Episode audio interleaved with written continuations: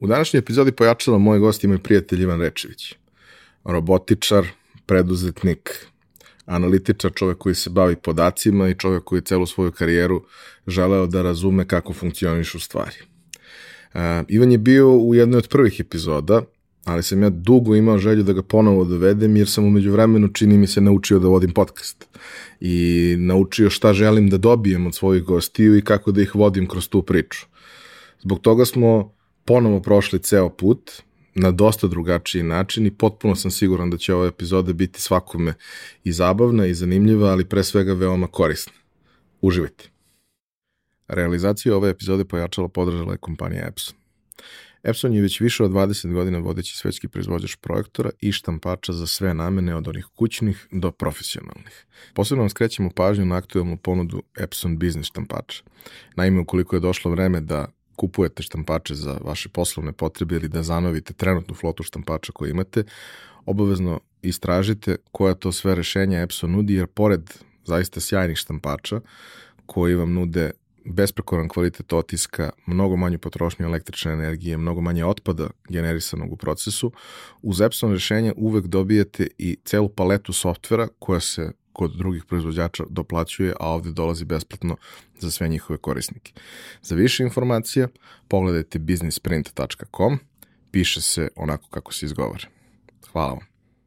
Ukoliko ste iz Sjedinjenih država ili sa severnoameričkog kontinenta, pojačalo možete svake nedelje od 20 časova po CST vremenu slušati i na viberadio.us. Za slučaj da želite da nas podržite vi individualno, uh, možete da posetite link u opisu podcasta na platformi Buy Me a Coffee i tu možete kupiti mesečnu pretplatu ili jednokratno donirati neki jednost koji želite. Hvala vam unapred na tom.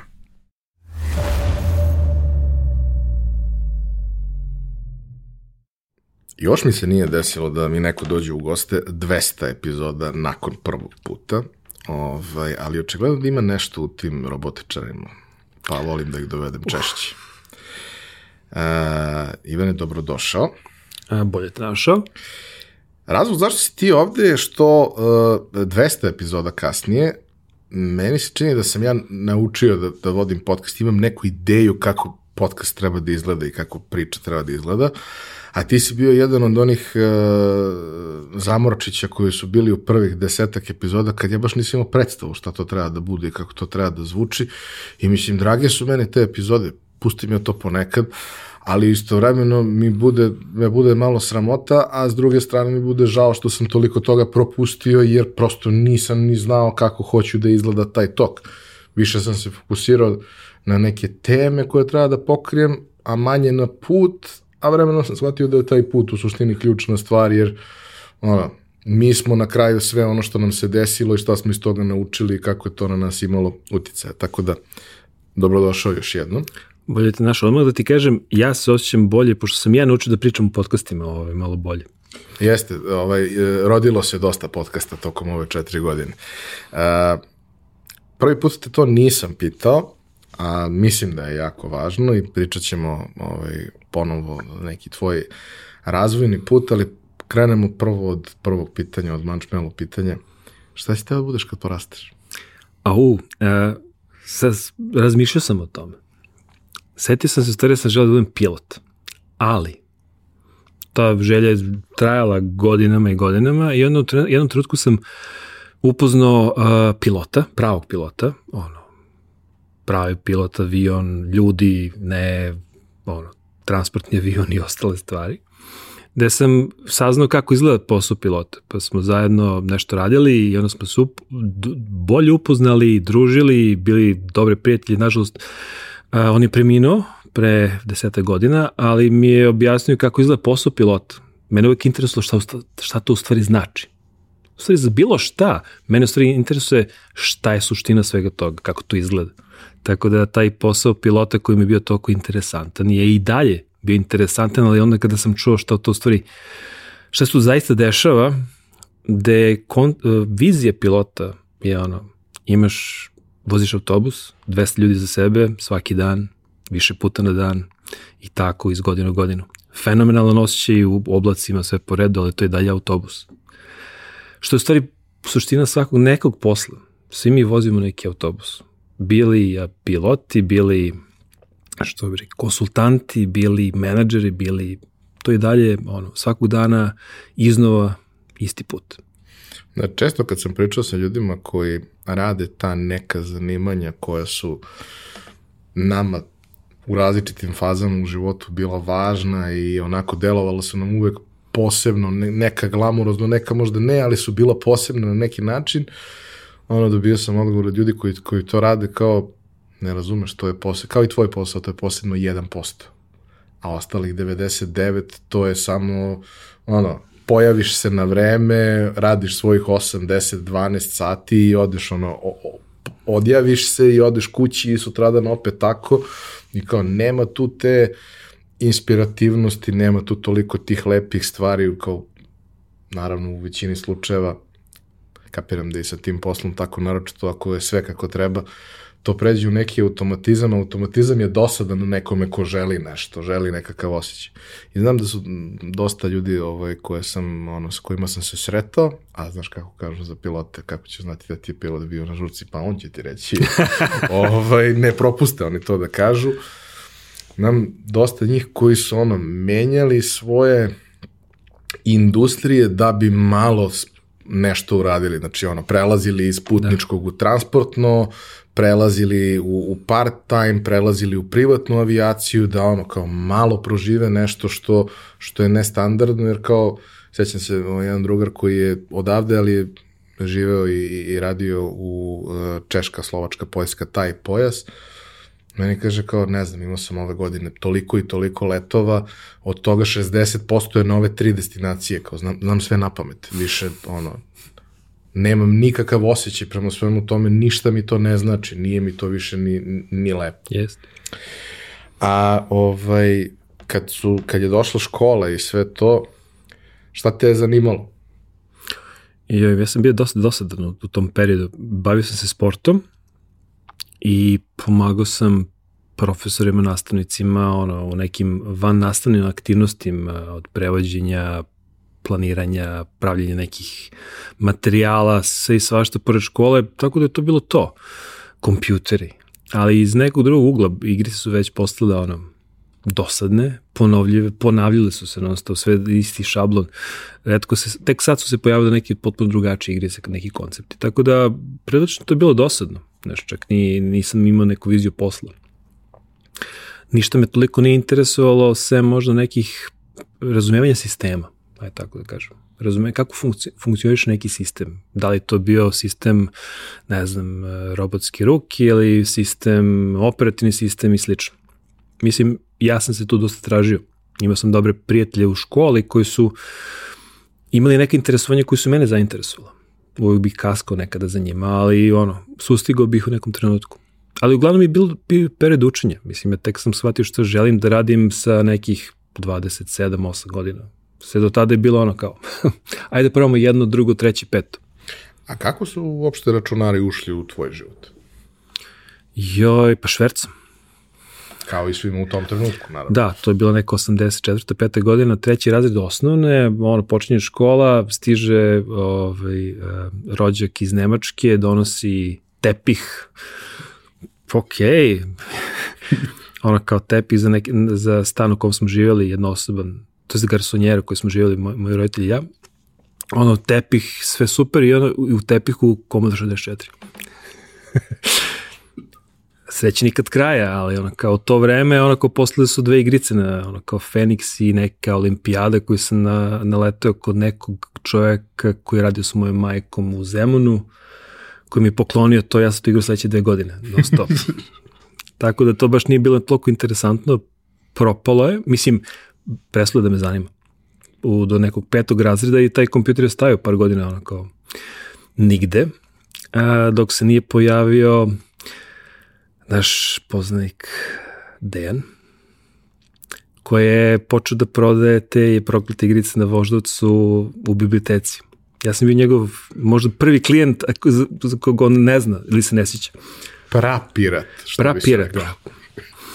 Tako da, od njega sam kupovao, ovaj, nisam, se, nisam ni povezivao ovaj lik i ostalo dok se on to nije spomenuo kod tebe u podcastu, onako bi da, da, da, da, to je to. Moj prvi diler u životu. Tako da da, A, to je, a, već igrice prestale da budu interesantne, stvarno. A, ne, a, posle su u stvari ponovo interesantne u srednjoj školi kada je tu posle neka ekipa koja je videla nešto širo tih igrica. Šta sve kompjuter može da uradi pored igrica. Tako da su se interesovanje razvijalo. Pominjali smo nekoliko puta i siguran sam da će u narednom periodu biti još, mislim, lovim ih, ali nikako da ih uhvatim.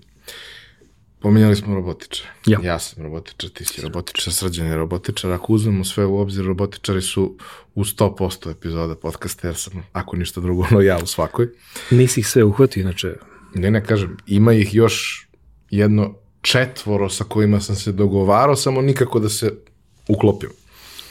Ovaj, ali uh, postoji razlika, dakle, između nas je 9 godina, ja kad sam došao, to je već bio smer za koji se znalo, bio je i dalje eksperimentalni, imao je drugačiji prijemni i sve ostalo, ali je već bio na neki način ustaljen, znalo se da je drugačiji prijemni, da je drugačiji program, da su neke stvari izbačene, da su neke stvari ubačene koje zvuče vrlo interesantno.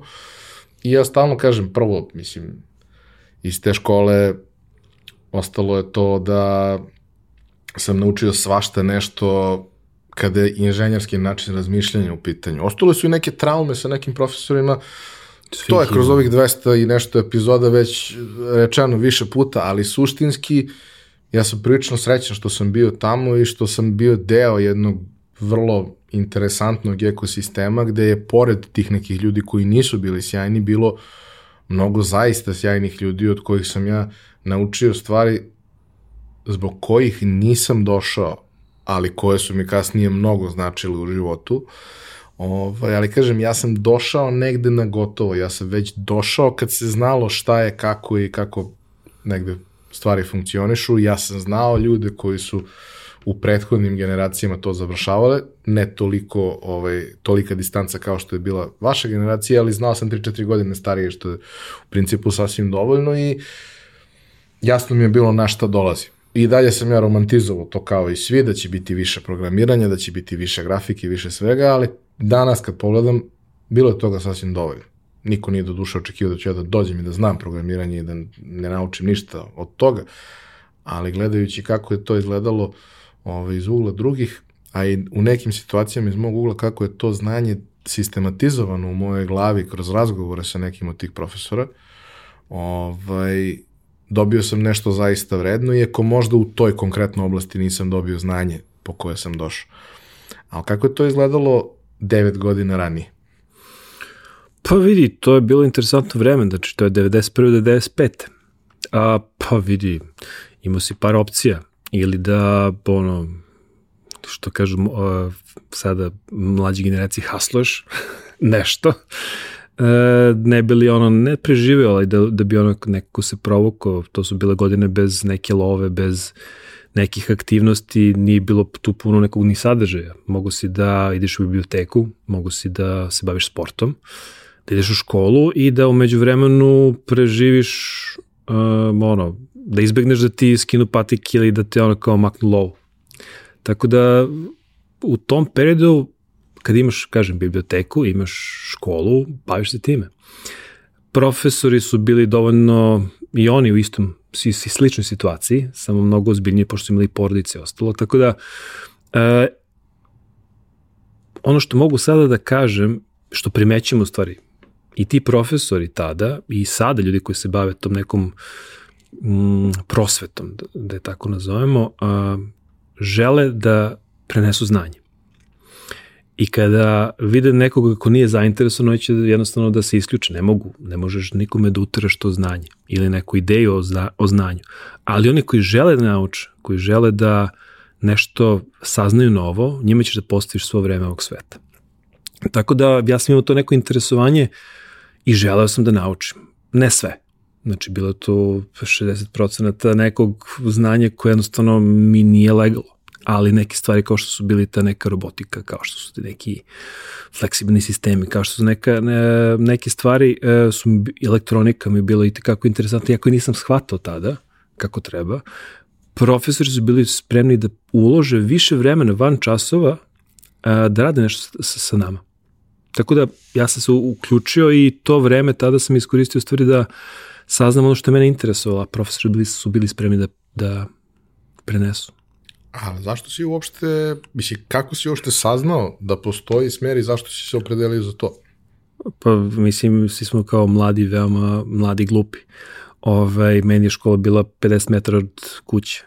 Tako da, i to je bilo jedno mesto gde si mogu da položeš uh, matematiku i logiku. Da, srpski taj jezik mi baš nešto nije išao najbolje, tako da sam ovaj, odlučio se ono, liniju manjeg otpora da Da, pošto je alternativa bila deveta, niko nije želao da ide pa, u devetu. Da, ne, nikada nisam imao želju za gimnazijom. Stvarno, gimnazija mi nije predstavljala nešto gde mogu nešto konkretno da naučim. U stvari, to je bilo jasno. Znači, bila je neka, neka stručna škola, a da nije, znači, da apsolutno nije gimnazija, nego da bude neka stručna škola. Zašto? Želeo sam da imam nešto rukama. To je ono što sam sigurno znao. Želeo sam da imam neko konkretno znanje. Plus, 50 metara od kuće, mesto gde možeš da položiš matematiku i logiku. Za matematiku sam znao da sam ok, logika pa ajde da vidimo. Ako nisam, onda, onda može gimnazija. da. E, onda se bio taj prijemni i ono ti stigla lista i ono kao gledam ja ne vidim sebe, ono kao što se dešava ovde, ja pogledam gore, onda sam na vrhu bio zajedno sa, sa Markom i sa Slađanom i ono kao, ej, pa nisam loš. Dolazi ta prva neka samo spoznaje da ono sve što radiš, uh, ili kako funkcionišeš ima nekog smisla. Jer eh, kada si mlad, ti zaista ne znaš ko si, šta si, kako imaš sposobnosti. Uglavnom su oko tebe roditelji, prijatelji koji te u svakom slučaju vole, paze, maze i ostalo živiš u tom nekom, ono, što bi rekli, mehuru i ti zaista ne znaš kakav si u osnovnoj školi to je tvoje okruženje, ali tek u srednjoj školi kad se skupi tu ekipa koja je van Novog Beograda, iz Pančeva, iz Surčina, iz nekih drugih mesta, ljudi, do, do, ljudi koji su izbegli iz, iz Hrvatske i sa oslih mesta, onda se dešava situacija da ti imaš veliku masu ljudi i da u njima, među njima si ti dosta visoko i ono kao to ti daje neku vrstu ono, boosta, daje ti neku snagu, energiju da ono kao ok, idemo dalje. Ja mislim da je ono i u, u moje vreme u suštini taj moment da u srednjoj školi prvi put vidiš kako to izgleda van tvog mikrokosmosa u kome si bio 8 mm. godina, gdje kao u osnovnoj školi ajde, moja osnovna je bila na specifičnom mestu, pa su dolazila i neka deca koja su živela malo dalje, ali suštinski 90% je živelo da. u 500 metara oko škole i ti si tu decu viđao i van škole i u školi, bio si 8-9 godina od predškolskog pa nadalje, ovaj, bio si u istom društvu. Da. I sada prvi put dolaziš da u ono, udeljenju od 30 đaka nema više od troje da su išli u istu osnovnu, da su bili u istom odeljenju, da se znaju od ranije, ili se znaju od ranije na nivou, pa žive relativno blizu, a ista su generacija, pa su se sretali. Ali baš onako potpuno jedna multikulturalna situacija, mislim, ja nisam išao u vojsku, ali sećam se kako mi je Ćale pričao da je za njega vojska to bila, kao da. prvi put ti vidiš kako izgleda zapravo struktura ove tadašnje zemlje. Da. da kao na random se skupi 100 ljudi na jednom mestu i kao a gde je onih 9% nepismenih? Evo ih, kao, tu su. Samo ih nema na Novom Beogradu da. ili u Zemunu ili tako negde. Kao, zemlja je dovoljno velika da imaš takve ljude, ljude koji su prvi put videli, nemam pojma, lift ili nešto slično.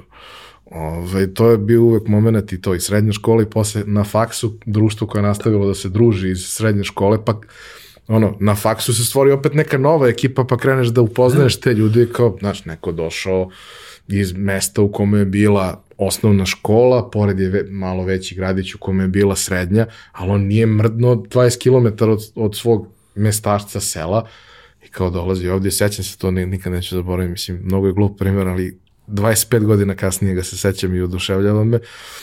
Ovaj momak koji je zapamtio, uh, koji je pomešao tramvaj i lift i uvijek je govorio kad dolazi tramvaj da dolazi lift. znači to, to. to je bilo presmešno i preslatko. I mislim da je u nekom trenutku sve to skapirao, ali je nastavio iz čiste zajebancije. Pa, da. Ovaj, a kaži mi, u paraleli sa, sa, sa školom i svim, mi pričamo o nekom užasno teškom vremenu, najtežem vremenu. Mislim, nije bilo baš nešto preterano sjajno ni kad sam ja krenuo, ja sam krenuo i posle ono, mesec dana je bio 5. oktobar. Mm. Ali, opet, ono što je bilo tada je bilo mnogo teže na dnevnom nivou su se dešavale užasne stvari i nisi mogao da ih ignorišeš jer je bilo užasnih stvari i u mikrolokalitetu i u nekom širem regionu. I svi smo mi imali i porodice i familije i sve to u onim delovima zemlje koji su bili pogođeni ratnim stanjem i jednostavno ono, ljudi su dolazili, bilo je strašnih priča i svega, ono, kako ostaneš normalan u tom periodu? Ne znam da li sam imao sreću ili nesreću, ali više sreće zato što sam se bavio sportom. Tako da dobar deo mog dana bio na treningu tad sam već ono ko ima nekih uspeha u tom nekom sportu i ono ko, to je sigurno po 4-5 sati dnevno si na nekom treningu od priprema, zagrevanja, treninga, posle treninga, sve po redu. Tako dobar deo vremena sam ja bio mrtav umoran. Onda dođe ono što je škola, pa tu 6-7 sati plus hoću nešto da naučim novo, hoću nešto da radim zajedno sa, sa profesorima, nešto sa, sa, sa ocem ono kao u klubu gde on radio. I bukvalno, e, ja nisam stigao da vidim sve te neke stvari oko sebe. Nisam bio svestan, nisam imao nekih pretrnih potreba ili nekih željeve prevelikih tipa da mi treba ovo ili ono. Mislim, pazi, uh, prvi zaista pravi kompjuter PC je stigao tek u drugom srednje. I imao je VGA, crno-beli VGA monitor koji je tek otišao u veće lovišta tek negdje 97. 98. godine. Stvari ne, lažem te. Tek posle bombardovanja. Znači, sedam godina on korišćen, ja sam čak i dizajnirao crno-belom monitoru. VGA do duše, znači mogu sam da idem tu nijanse sivog, ali neki color prelom se radio ono što bi na osjećaj. Hoću da kažem, e, bio sam zaštićen iz tog ugla, moje vreme trošeno na taj trening i na, na školu, ja zaista nisam primećivao mnoge, mnoge stvari. Uh, nije da sam ih ignorisao, viđao, viđao sam ih, meni se dešavalo da, kao da, da imam nekog tog klinca iz kraja koji prepištuje mene dok sam išao u školu. Znači, znači, te stvari ne možeš da preskočiš, ono kao zbog čega on to radi, ne razumem. Vidim da se tu dešava sve i svašta u okolini, ali uh, ne dotiče me, jer kažem, trening, škola uh, do dosta dugo, rad sa profesorima i jednostavno nisam primećivao nisam primećivao, e, srećom, većina porodice je e, na teritoriji Srbije, nismo imali neke situacije ili nismo imali rodbinu koja je bila na, na tipa u Hrvatskoj ili Bosni na nekom drugom mestu, tako da nije, se, nije nas to toliko doticalo. Ja, neposredno niste imali. Nismo neposredno, da. A kaži mi, kraj srednje škole je ono prvi trenutak kad treba da doneseš neku odluku u životu koju ima neku težinu. ovaj, Nekome je i odluka za srednju školu, ali da kažemo to je prvi put gde stvarno negde trasiraš svoj put. Mi smo svi, iako smo završili tu robotiku, realno smo završili školu iz koje si mogao da odeš gde god hoćeš. Da. I ljudi su odlazili na najrazličitija mesta, jer i dan danas, kažem, mislim, moj profesor srpskog je jedan od najdivnijih koje sam imao i meni potpuno jasno zašto je deo ljudi otišao na književnost nakon toga, jer je on usadio ljubav prema tome u, u te ljude i u mene između ostalog, a neki drugi stru, stručni predmeti su usadili animozitet prema struci. Naravno. I to je nekako bilo prirodno. Kako je to bilo u tvom slučaju? Pa ništa, to ti je to 95. koji u stvari ne želiš da ideš u vojsku. Tako da upiši fakultet, da li to stvari neki fakultet, tada je bilo bilo koji fakultet, mašinac je bio ono logičan izbor, jedno, jedno, jer jednostavno ETF nije bilo opcije, bio opcije, jer prijemni je bio pretežak. Znači, za sve one koji nisu bili na matematičkoj, u matematičkoj gimnaziji ili na nekim mestima, jednostavno zborovi. Tako da linija manjeg otpora mašinac je pao ovaj, kao izbor zbog, zbog vojske, a onda sledeće tri godine sam patio. Patio na fakultetu, pred kraj te treće godine sam ono uspeo da dobijem posao, part-time posao u, u Bošu, uh, da sam radio neku administraciju kompjutera i sličnih stvari. Uh, I to je bilo to. Onda sam shvatio da to baš neće da ide tako i onda sam upisao višu školu. Više agrotehničko. Da, da, na Voždovcu i to je bilo to. E, tu su se stvari otvorile stvari. Već je bukvalno u tom trenutku, par ljudi ga je pomenulo, ali baš u tom trenutku ti suštinski time kačiš neku generaciju 82. treći, da. prvo. Ja sam se jako puno družio s tim ljudima, to su ljudi koji su osnovali i Elite Security i sve ono što se dešavalo tada bili su, da kažemo, nosioci ovaj, nečega što je preteča zajednice koju, koju imamo danas. Ovaj, I baš je Vetš, posebno nakon što je otvoren smer za elektronsko poslovanje, bio ono melting pot. Da, bilo je, to je bilo kasnije, to je bilo par godina kasnije, ali ovaj, bio je škola koja je bila izuzetno cenjena iz prostog razloga što je znanja koje, koje je davala bila su vrlo aktuelna i vrlo hands-on, ne dovoljna, ali mislim, znaš, daje ti jako dobru ulaznicu, jako dobar ulaz u celu priču. Ja se sećam tih nekih predavanja sa profesorom Pleskonjićem i sa još par nekih ljudi gde sam ja u stvari tek tada shvatio kako funkcioniše operativni sistem ili kako funkcioniše hardware, jer su oni zaista razumeli to što pričaju. I to su po meni najbolji profesori, koji ti zaista prikažu to na dosta plastičan način, ako želiš da, razumeš šta se tu dešava. Posle toga je sve bilo lako. Znači, posle toga sa tim osnovnim znanjem, nije to osnovno, to je malo veće znanje na, na, na vetšu, je bukvalno otvorilo ono kao novi univerzum. Sve se promenilo u stvari tada. Tada su stvari otvorile stvari i ja sam ono kao jednostavno uzletao. Onda sam u stvari shvatio što želim da, da radim. A kaži mi, u tom procesu traženja sebe, ja se na kraju dana to svodi na proces traženja sebe u celom tom velikom miksu svega, ovaj, šta si radio i šta si kupio iz posla. Jer ako, ono što kažu, ako ne znaš šta hoćeš, kroz posao vrlo lako i brzo naučiš šta nećeš. Mm, da. Pa svašta se tu desilo, svašta se tu radilo. Uh, od te neke osnovne administracije računara u Bošu, to je bilo, to nije klasična administracija, znači jedno je administracija, popriviš, namestiš računara, drugo je sve ono što uh, su posle nekog vremena nazvali IT od telefonske centrale, preko kabliranja, razuđenja kablova. U to vreme baš nije bilo kanalice i ostale stvari. Moj najveći fail, ne fail, tada nije bio fail, tada je bilo super stvar. Ja sam uradio kabliranje tih kancelarija uz pomoć onog pištolja za lepak i kablova, naravno. Ali onda sam postavio tu kancelariju posle nekih 7-8 godina, onda sam vidio kako se to visi, kako se to otpalo. sam rekao, ne, ne, ne, Veoma sam pogrešio, nisam znao šta radim, ali sam uradio najbolje što je moglo u tom trenutku, to je trajalo pet godina, ali kao i sve stvari traže održavanje.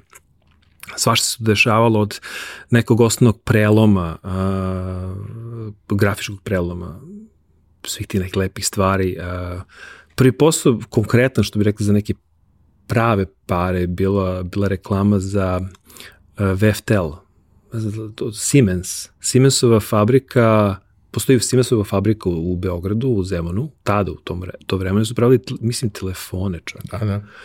Bila je reklama, oni su tili da... Čak i centrale. Da, centrale. Oni su htjeli da prodaju neke gomile nekih Siemensovih telefona koji su imali boju u sebi, onako, osnovne neke boje, mobilni telefoni, ono kao, ajmo da radimo reklamu Billboard. I direktor prodaje, njegov, uh, šta mu dođe, rođak i sa mnom na, na višoj školi, ono kao, znaš ti da prelomiš, znam, hoćeš da prelomiš billboard, ajde prelomimo. Evo telefon, evo poruka, pozdrav, mi smo to oštamp, to je oštampan, taj billboard, i ništa. E, billboard na Slaviji, gore na vrhu, Sla, uh, mislim da, da, na vrhu zgrade uh, hotela Slavija, i kako je to krenulo, sutra dan me zove direktor i kaže, razvalili smo, prodali smo sve ako se dobro sećam, bio je Siemens S10, koji je imao četiri boje. To. Znači on, bukvalno RGB i da. crna. Znači to je to, ali to je bila magija u tom trenutku. Da, da, da. da. I posle su bili, ja mislim da S45 ima ono, da, što, 16 boja, 256 boja, imao je svašta, kao Siemens je bio state of the art u tom trenutku. To je stvari bila moja ulaznica u svet marketinga, kad sam shvatio da reklama može donese pare. Tako sam shvatio da to funkcioniše i onda je okej. Okay. Razumemo, ovo je, ovo je prvi stepen. Znamo da, znači, da reklama funkcioniše, prava poruka na pravom mestu sa pravim proizvodom, ono, 5P što bi rekli, i cena, price i ostalo. Elem, uh, to je bilo ta, takve stvari. Uh, sport, možda jedan od prvih poslova naše kolegije Srđana plaćeni je bio na atletskim takmi, dakle, takmiču, mislim da je bilo prvenstvo Jugoslavije u pitanju, da smo razvukli računarsku mrežu na stadionu Partizana, koaksijalni kablovi, by the way, nije još bilo u, u TP kablu, znači razvukli, razvukli smo koaksijalne kablove po Partizanovom stadionu i sakupili smo podatke kroz klasičnu mrežu u neke tekstualne fajlove i pravili smo, da kažemo, bilten i ostale stvari na licu mesta u realnom vremenu. To je prvi plaćeni posao. Mislim, ušao sam u sport, u stvari najviše, pošto sam prestao sa sportom, sa što bi rekli, bavljenjem, bavljenjem sportu, ali sam ostao u sportu a, i tu se svašta dešavalo. U stvari, moja ulaznica, pored tog Boša, je bio i sport, u stvari. Pomagao sam ljudima u Atletskom savezu Srbije i Jugoslavije, onda posle Srbije, pošto sve to Srbije Crne Gore, pa Srbije samo, uh, u toj nekoj digitalnoj transformaciji. Nije to bila prava digitalna transformacija. Mi to sada zovemo digitalna transformacija, to, ovo je bila jednostavno evolucija. Prelazimo sa papira na ono, mail. Tako da tu je uradilo puno, desilo se puno stvari, puno različitih projekata, onda se tu neki 99. godine desilo, 98. godine desilo da smo prešli sa uh, fotografskog merenja vremena iz Zavoda za sport smo prešli na digitalno merenje vremena uh, sa nekim takozvanim Mac Finish sistemom koji je bio zasnovan na Macu. Uh, kompletna tehnologija, ka, digitalne kamere i ostalo. Ja sam se prijavio i tu smo sa tada on još uvijek nije bio, mislim, glavni urednik e, mikro računara, gospodin Vasić. On je pre toga radio na, na nekim državnim poslovima, pa je ono kao prešao u privatne vode i on je bio isto i bivši atletičar, e, pa smo zajedno ono, otišli u Švedsku, do, doneli tu opremu u Srbiju, e, razradili to da kažemo da može da ta oprema bude transportabilna, da može da se koristi na bilo kom mestu, tu su se pojavili novi sistemi i jednostavno sport je bio to mesto gde ti u stvari shvatiš da digitalne tehnologije mogu da se primene zaista svuda, samo pitanje da li imaš pravu priču. To je ono što sada zovu narativ. Ali da znaš da ne samo da prodaš, nego da objasniš šta to zaista može da donese. To nije samo puki bilten ili rezultat, to je nešto više od toga. Ja se sjećam, uh, otprilike u to neko vreme, mislim da je bila recimo 98. 99. Desilo se to da je Partizan učestvovao i organizovao atletski klub Partizan uh, B finala Lige šampiona u atletici. To se državalo na Partizanovom stadionu i sad bez obzira na to što sam ja veliki navijač zvezde, ja sam išao sa, sa, sa drugarom na to da gledam ceo dan jer sam obožavao atletiku i nikad je nisam gledao uživo. Mm -hmm. Gledao sam televiziju i na televiziji sa ko zna koliko ljudi u režiji i sve ostalo, to sve izgleda spektakularno. I kao, ajde, mislim, imamo priliku da gledamo. To sećam se da je to bio nekakav dogovor između Zvezdi i Partizana, da su svi vrhunski zvezdani atletičari prešli u Partizan mm -hmm. da bi oni ostvarili što bolje rezultati, ne znam, i Topić, i Dragan Perić, mislim čak da je bio, da, znači da. cela ekipa reprezentativaca i Partizan pobedi u B finalu Lige šampiona na Partizanovom stadiju. I sad tu je bilo silaženje na teren, dole, slikali smo svima, mislim da ima moja fotka negde u muzeju Partizana, to je dosta onako traumatično. Ali celo iskustvo je bilo sjajno, ali bilo je sjajno zbog, između ostalog i zbog toga što, ja ne znam kako, i ne, ne sećam se sad tačno, ali ja sam non stop trčao po stadionu. Jer sam ja išao da gledam različite stvari, mm -hmm. jer ti na televiziji to možeš da gledaš, on da. ti ono, iskadrira najzanimljivije i to je to. I sad, naravno, dešava se, ne znam, šest disciplina u isto vreme. Pa ne možeš da ih ispratiš sve sa jedne tačke. Sprint se desi i to je okej, okay, ali to je 20 sekundi sa kvalifikacijama, sa onim, sa onim, ne znam, par puta po par minuta. Ali kao bacanje koplja, bacanje ovoga, bacanje onoga, skok. Ja sam non stop trčao po stadionu, ja mislim da sam prešao jedno 15 km taj dan po stadionu i sećam se koliko mi je to sve bilo neverovatno, što naravno sve možeš da vidiš i na onom starom, mislim da je i dalje takav, ne znam da li je, ali ja ga pamtim Jest. kao takav, ovaj, starom semaforu, oni izbace s vremena na vreme to, ali realno ti nemaš sve što ti treba ako si ono, opterećen podacima i onda sam ja išao kod novinara i uzimao oštampane one liste ovaj, rezultata koje su donosili na svakih 15-20 minuta, recimo na matričnim štampačima štampane i sve O, to. da. I sećam se koliko sam tad prvi put, mislim, stvarno sam uživao kao gledalac, nije bilo to što mnogo ljudi, bilo je, ne znam, 5000 možda na stadionu, ali znam koliko sam uživao kao gledalac i, ok, zahvaljujući tebi, 20 godina kasnije sam bio deo takvog spektakla u Beogradu, mnogo ozbiljnijeg i kompleksnijeg, ali sećam se koliko sam uživao. I onda sam u jednom trenutku samo uhvatio sebe da razmišljam čoveče koliko ljudi mora da učestvuje u ovome da bi se sve ovo ispratilo na pravi način. Jer kad pratiš jednu disciplinu, imaš ekipu koja prati jednu disciplinu, pa se završi, pa onda oni pređu na to drugo, a ovde se dešava pet stvari u paraleli.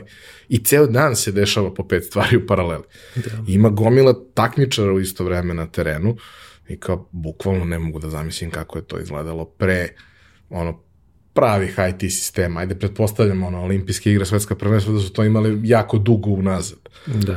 Ali nešto što je na nižem nivou od toga, gde nemaš velike sisteme kao potporu, sigurno je bilo teško. Pa krenulo tek neki, neki 90. godine kada su kompjuteri postali dostupni, kada su se pojavile prve te digitalne kamere koje nisu klasične digitalne kamere. Kamere kao što su ova koja nas sada snima ima objektiv. I oni imaju objektiv, ali u slučaju tih, da kažemo, ka, kamera za elektronsko merenje, oni u stvari imaju jednu, jednu liniju. Znači jedna linija koja snima kontinualno i koja formira sliku. Znači nije, to nije klasična kamera koja slika 25 sličica ili 30 sličica u sekundi, ne, ova slika nekih hiljadu linija u sekundi. Št, koja dalje formira sliku, da kažemo, i koja obeležava vreme, ima neki time, time, time stamp. Sve u svemu, to je predivno vreme, kažem, ja se time bavio od te neke 98. godine, još nekih 7-8 godina, onda sam prestao, jednostavno nisam više mogao da stignem, ali sam se prebacio, u stvari, i dalje sam ostao u sportu, bavio sam se takozvanim event presentation uh, managementom. A to je u stvari kako da nije to samo kako, već to je kompletan sistem ljudi, sis, kompjuterski sistemi, grafike koji obezbeđuju informacije za ljude na terenu. Da ljudi koji su na tom borilištu, na, na toj areni ili na tom stadionu, da budu informisani. Znači, pošto si ti jurio za svim tim papirima koji su, koji su novinari dobijali, u modernom, uh, modernim događajima sve te informacije su dostupne. Bukvalno ideja je da ti na, u roku od par milisekundi možeš da vidiš informaciju. Da li je to vreme, da li je to neki, neki koji pokušaju pitanju, da jednostavno da ne razmišljaš preterano, da je informacija uvek ispred tebe. I količina ekrana koje su na borilištu je ogromna. Da. Ne samo ovih velikih sa video, mislim, gomila malih ekrana koja služi da prikaže konkretan rezultat, da. vreme koje se odbrojava u disciplinama gde je to negde kašnjenje. Da. Pa sve to mora da bude pod nekom kontrolom i u nekoj sinhronizaciji. Da, tako da ti si bio prilike da budeš na jednom od najvećih događaja, a, gde je to ekipa, kada se razmisliš, to je ekipa od preko nekih 50, 50 ljudi, ajde kažemo 20 ljudi u centralnoj da kažemo, sobi koja kontroliše sve i još nekih 30 u bližoj okolini koji pomaže svemu tome, plus svi, svi sve sudije, uh, novi, uh, snimatelji, režiseri koji sve to kontro, prate.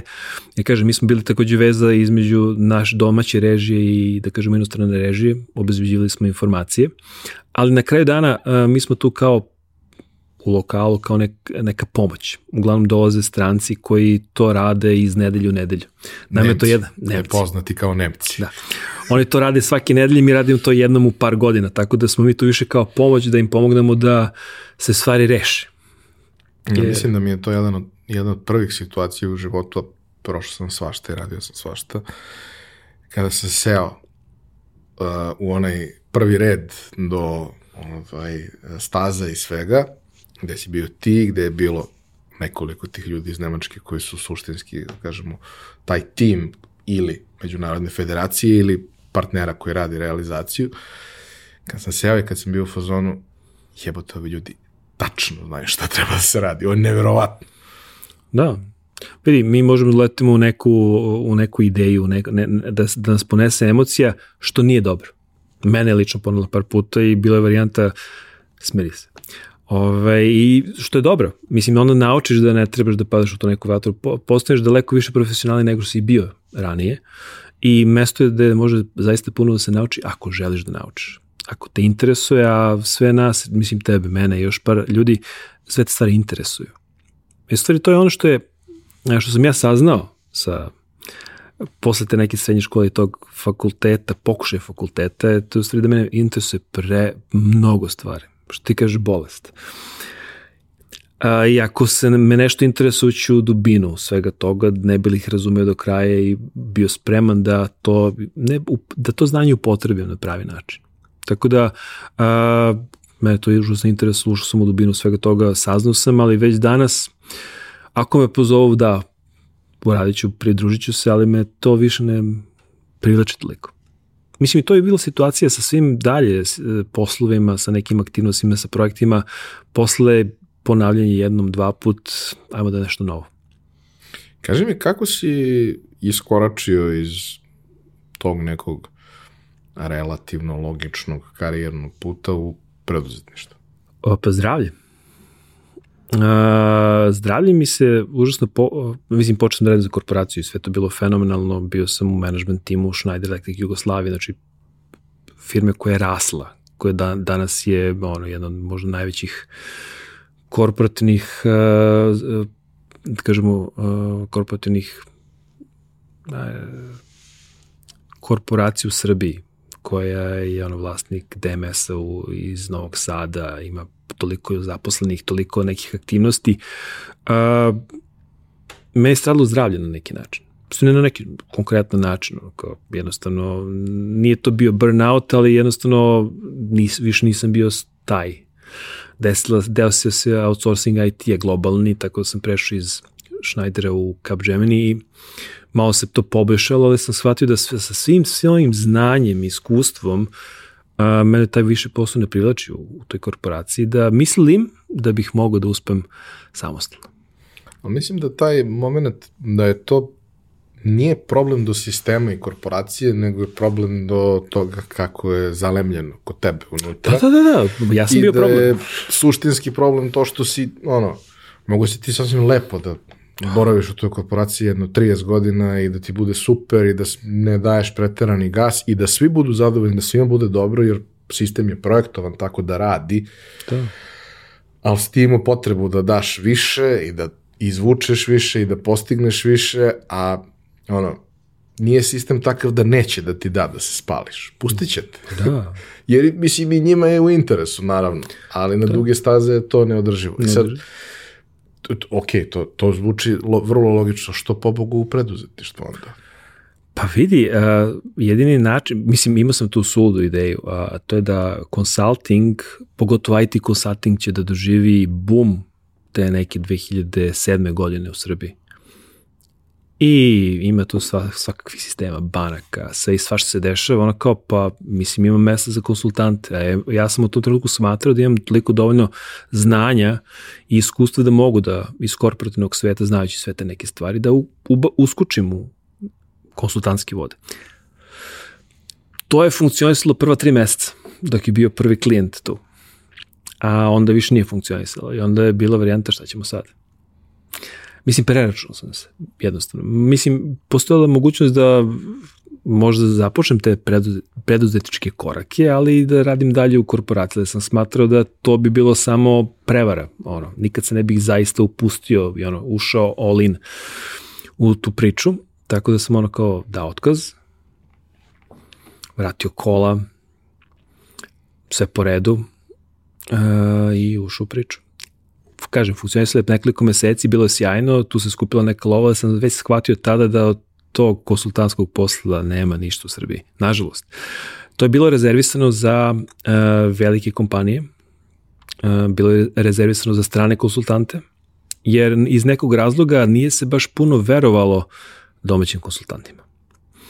Uh, naravno, pedigre kao što je McKinsey, Boston Consulting Group, ako si radio kao konsultant za njih i tekako imaš prođu.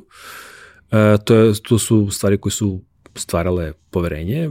Naravno, ja kao neko ko dolazi iz neke korporacije koja se bavi ele, energetikom, baš nisam ulivo poverenje. Tako da, eto, to je bilo baš to neugodno vreme. Mislim da je s jedne strane bilo malo prerano, da. A sa druge strane, ono, nikad nije jednostavno napraviti taj skok između industrija koje su slične, ali nisu iste.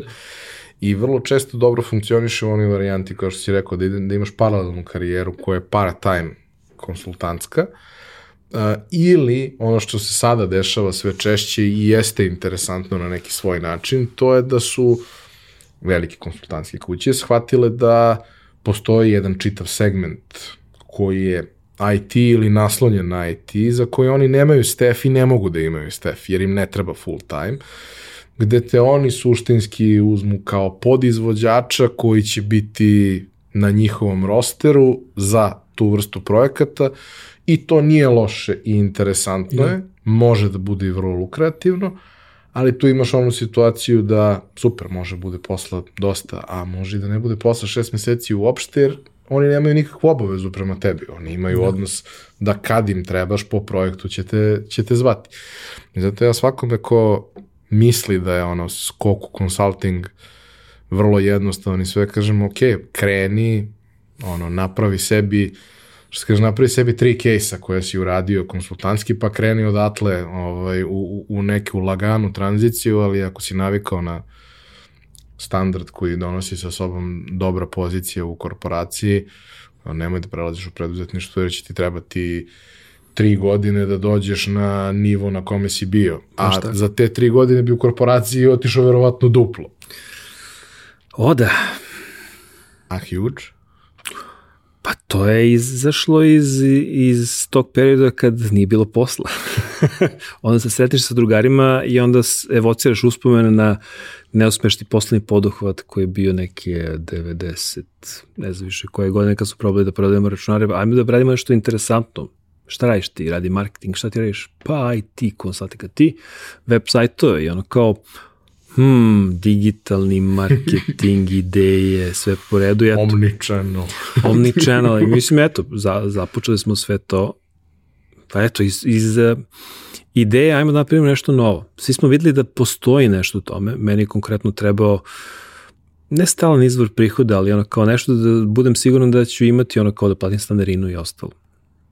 I ono, moja ideja tada bila jednostavno ljudi, ovo što krećemo da radimo, ja ne želim da to radim čitavog života, ono, sledećih 5, 6, ne znam koliko godina i ja sam spreman da prodam nekom strancu, nekoj druge kompaniji, jer ono kao, za mene ovo interesantno, ali znajući sebe i kako me interesovanja drže, ono kao, kažem, 5 do 10 godina ure glave. Tako da to je bila neka inicijalna ideja. I e sad, naravno, e, čuli smo i Srđanov ugao priče, ovaj, romantičarski. E,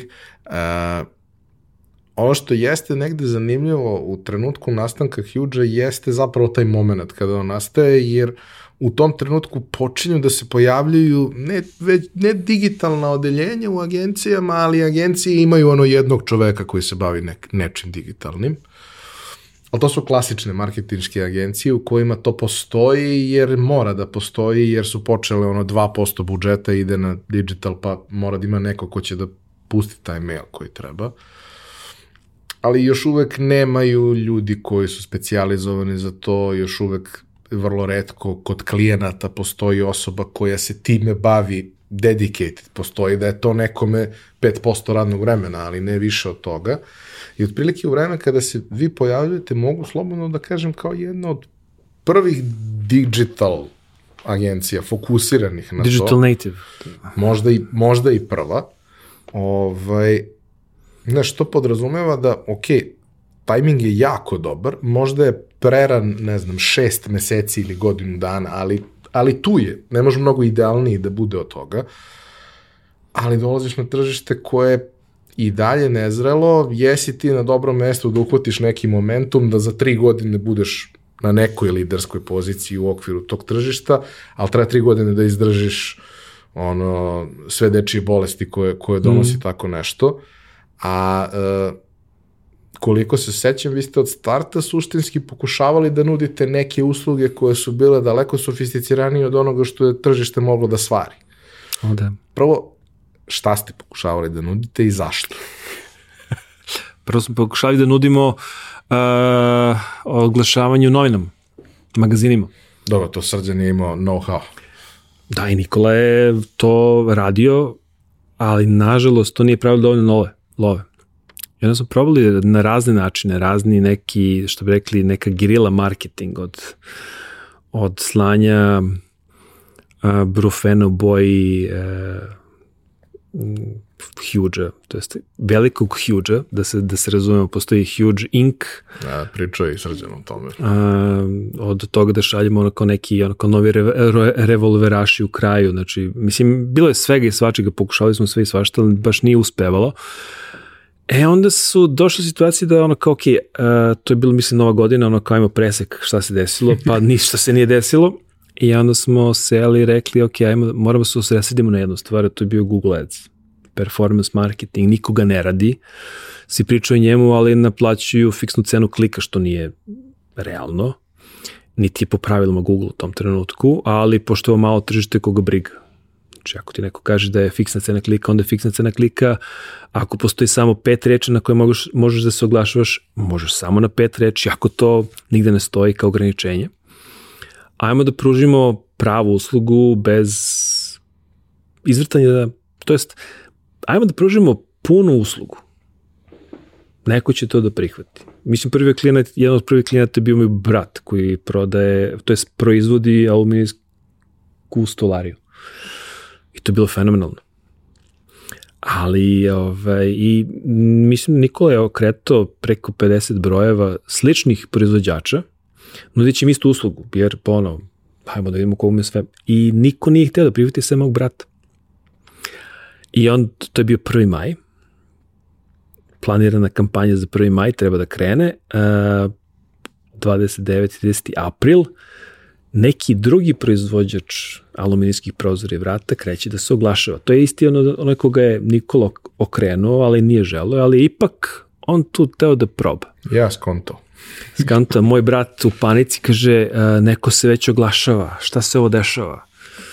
I ono kao, pa to je neko i vidimo šta je kako je i ona kao, samo ti njega pusti, ono, gledajući parametri ostalo, ovo će da se istruži za dva dana i to je to. A ti ćeš da se oglašavaš mesec dana. On je za tih mesec dana napravio posao koji nije imao za godinu dana. Veoma jednostavno. I onda je krenulo. Onda se, ti kad imaš takav uspeh, plus uh, brat nije imao website, mi smo bukvalno napravili jednu web stranicu sa cenovnikom Znači katalog klasičan, bez neke interakcije. Samo Neka, danas bi rekli landing. Landing, landing, ali slika landing. U stvari bio je HTML, ajde da se ne lažem, bio je HTML po svim pravilima, standardima, jednostavan, jedna stranica. To je radilo. I to je trajalo, mislim, on ima taj sajt i tu stranicu godinama i to je funkcionisalo. Mislim da je taj trenutak zapravo, ako pričamo o Google Adsu, bio idealan da nešto kreneš jer si zaista za prilično smešan novac mogu da dobiješ neverovatne rezultate bilo je jeftino jer nije bilo konkurencije, bilo je učinkovito jer nije bilo konkurencije, da. a ljudi su koristili Google jer su koristili Google kao što ga i danas koriste. Ali, jedno od interesantna stav, uh, komentar brata je bio sledeći, pošto on već radio taj posao godinama, kaže, ja ga pitam, ok, šta je drugačije, šta se dešava? Kaže, slušaj, počinje da mi dolazi uh, pa inteligentnija klijentela što se može, vez, može u tom trenutku vezati za ljudi koji imaju, imaš kompjuter, znači možda imaš određena primanja, znaš šta hoćeš, znaš da koristiš internet, znači sve tu, znači ti ljudi će, znači super je uh, i ciljna grupa u tom trenutku. Znači nije prevelika, dovoljno velika da stvori taj neki posao i kažem ti, e, to je nama u stvari dalo još jednu uh, situaciju da imamo case.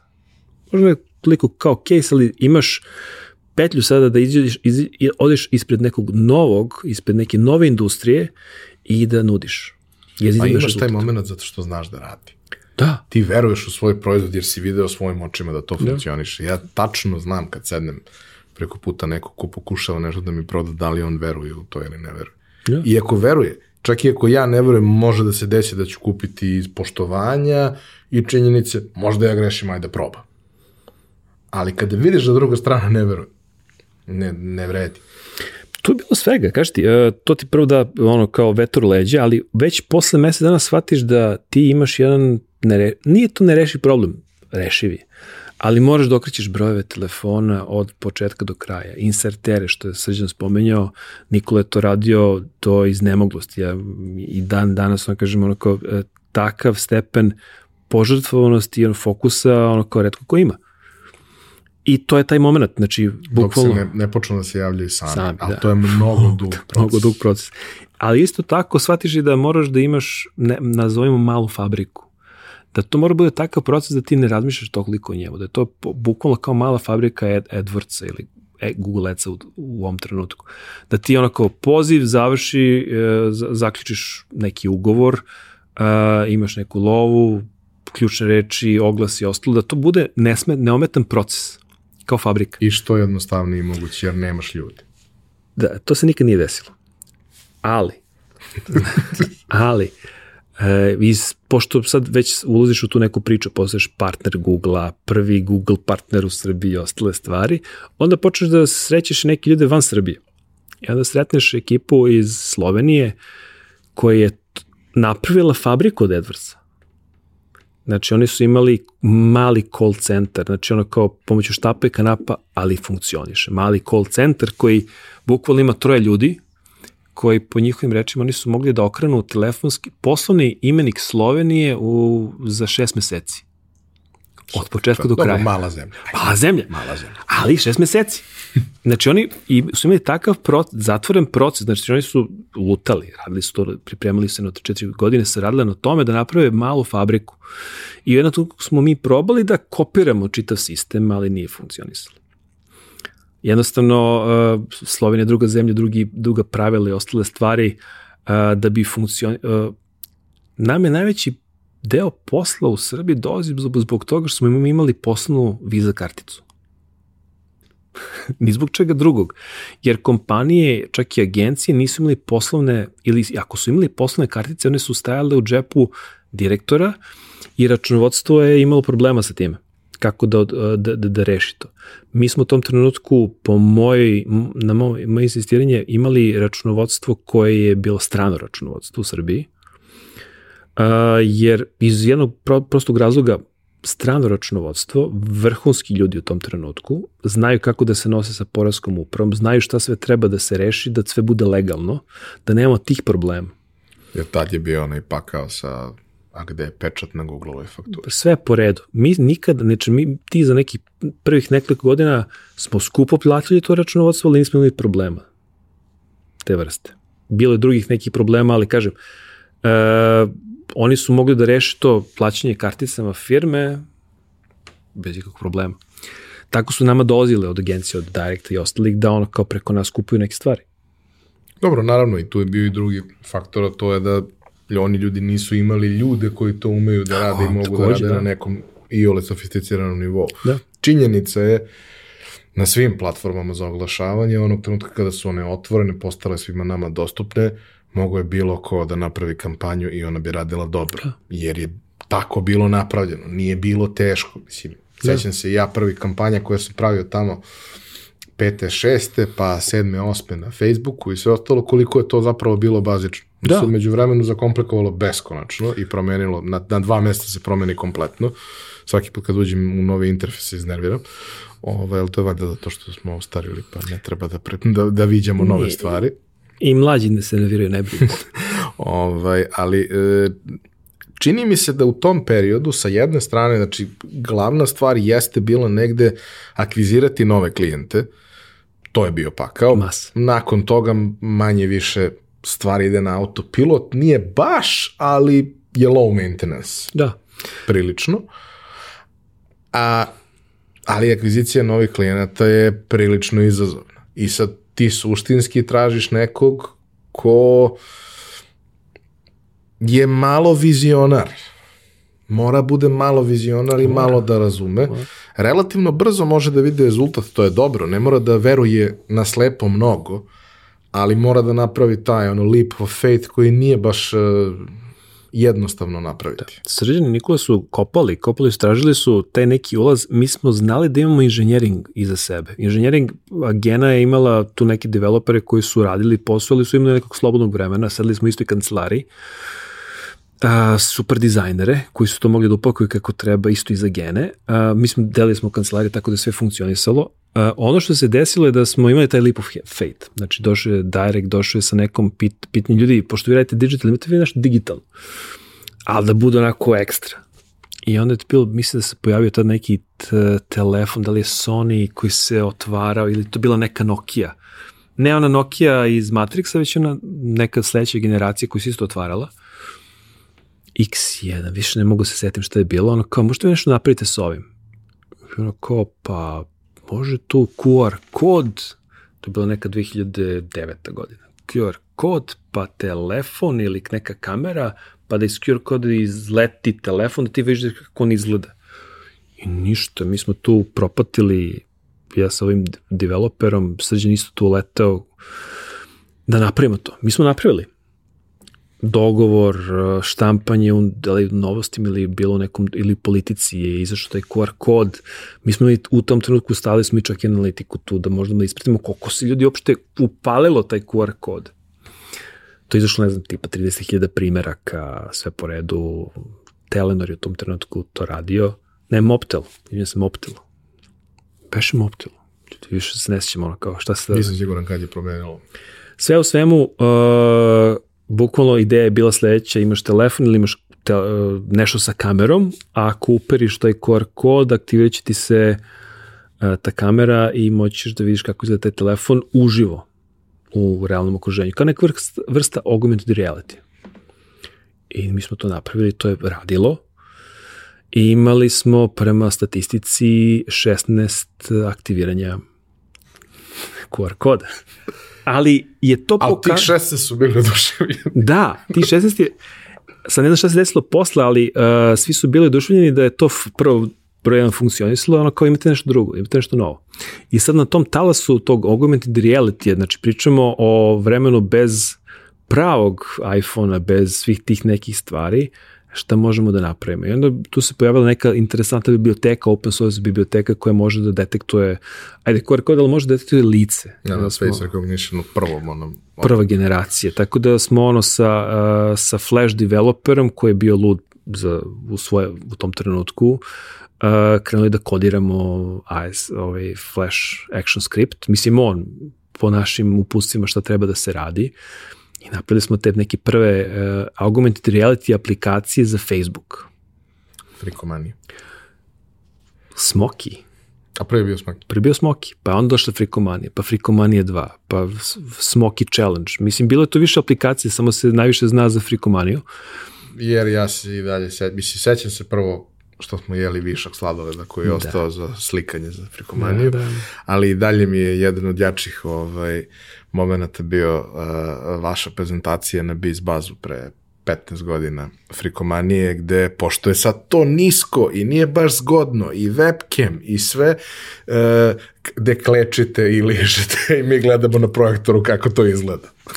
Zamisli kako izgleda hvatanje jezikom uh, čoko smokija. Brown Choco Smokija. To je tek izgledalo interesantno, ali ovo je, ono, to je bila prva generacija. Jeli smo pa onda sladledi, ovaj, lizali smo sladledi. Da, bilo je interesantno, bilo je super. Uh, mi smo osvojili neke nagrade tu u Zagrebu. Je bilo je revolucionarno bilo je svoje vreme, baš ozbiljno. Mislim, jeste to bio period u kome su stvarno svi brendovi pravili Facebook aplikacije, ali su se one u 90% slučajeva završavale na ono fotokonkursu i eventualno, da. ne znam, slanje priča ili možda igrica, ali to vrlo redko. U stvari, sad sam se setio u stvari kako je sve to krenulo. Krenulo u stvari sa, sa Vladom Ranđelovićem iz Directa. On je se bavio digitalom u to vreme i na nekom, da li u, na, u kanu ili već na nekom takmičenju su se prikazali augmented reality aplikaciju koja radi sledeću stvar, izbeljuje zube. I on je bio oduševljen i pitao, jel možemo da napravimo nešto slično? I mi smo seli, ja prošli dokumentaciju, našli smo flash developera i ajmo da radimo. Tako, je, tako je krenulo. Ali to više bio inženjerski izazov. Da li mi to možemo da napravimo? Pa može. Ono što smo naučili takođe kroz čitav proces je da sve super što ti imaš ideju. Sve, sve super što ti imaš inženjerske sposobnosti. To inženjering može napraviti sve. A da li će to lepo da izgleda, to zavisi od dizajnera i vremena.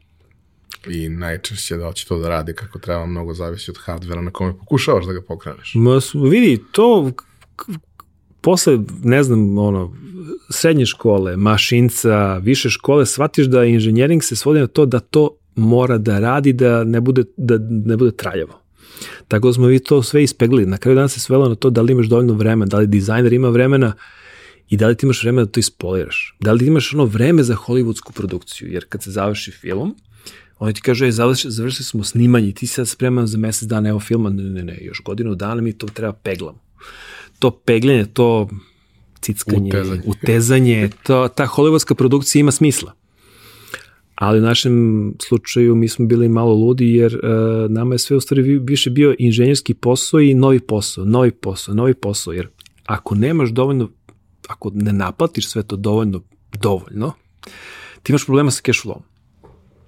Tako da, ako bi standardna produkcija na nekom zapadu ili u nekom razvijenom društvu trebala šest meseci, da to bude sve kako treba Hollywood production, mi smo to završavali za mesec i po dana, što nije realno. I naplaćivali smo 3-4 puta manje. Tako da ti nemaš goriva. Misliš da imaš goriva, super je to uspeh, znači aplikacije kao što ne znam, 5000 mar, ne, e, evre je bilo u tom trenutku, super, ali to može da te, da te da gorevo za sledećih meseci po dana. Znaš, I dalje e, ne možeš da naplatiš koliko treba da naplatiš.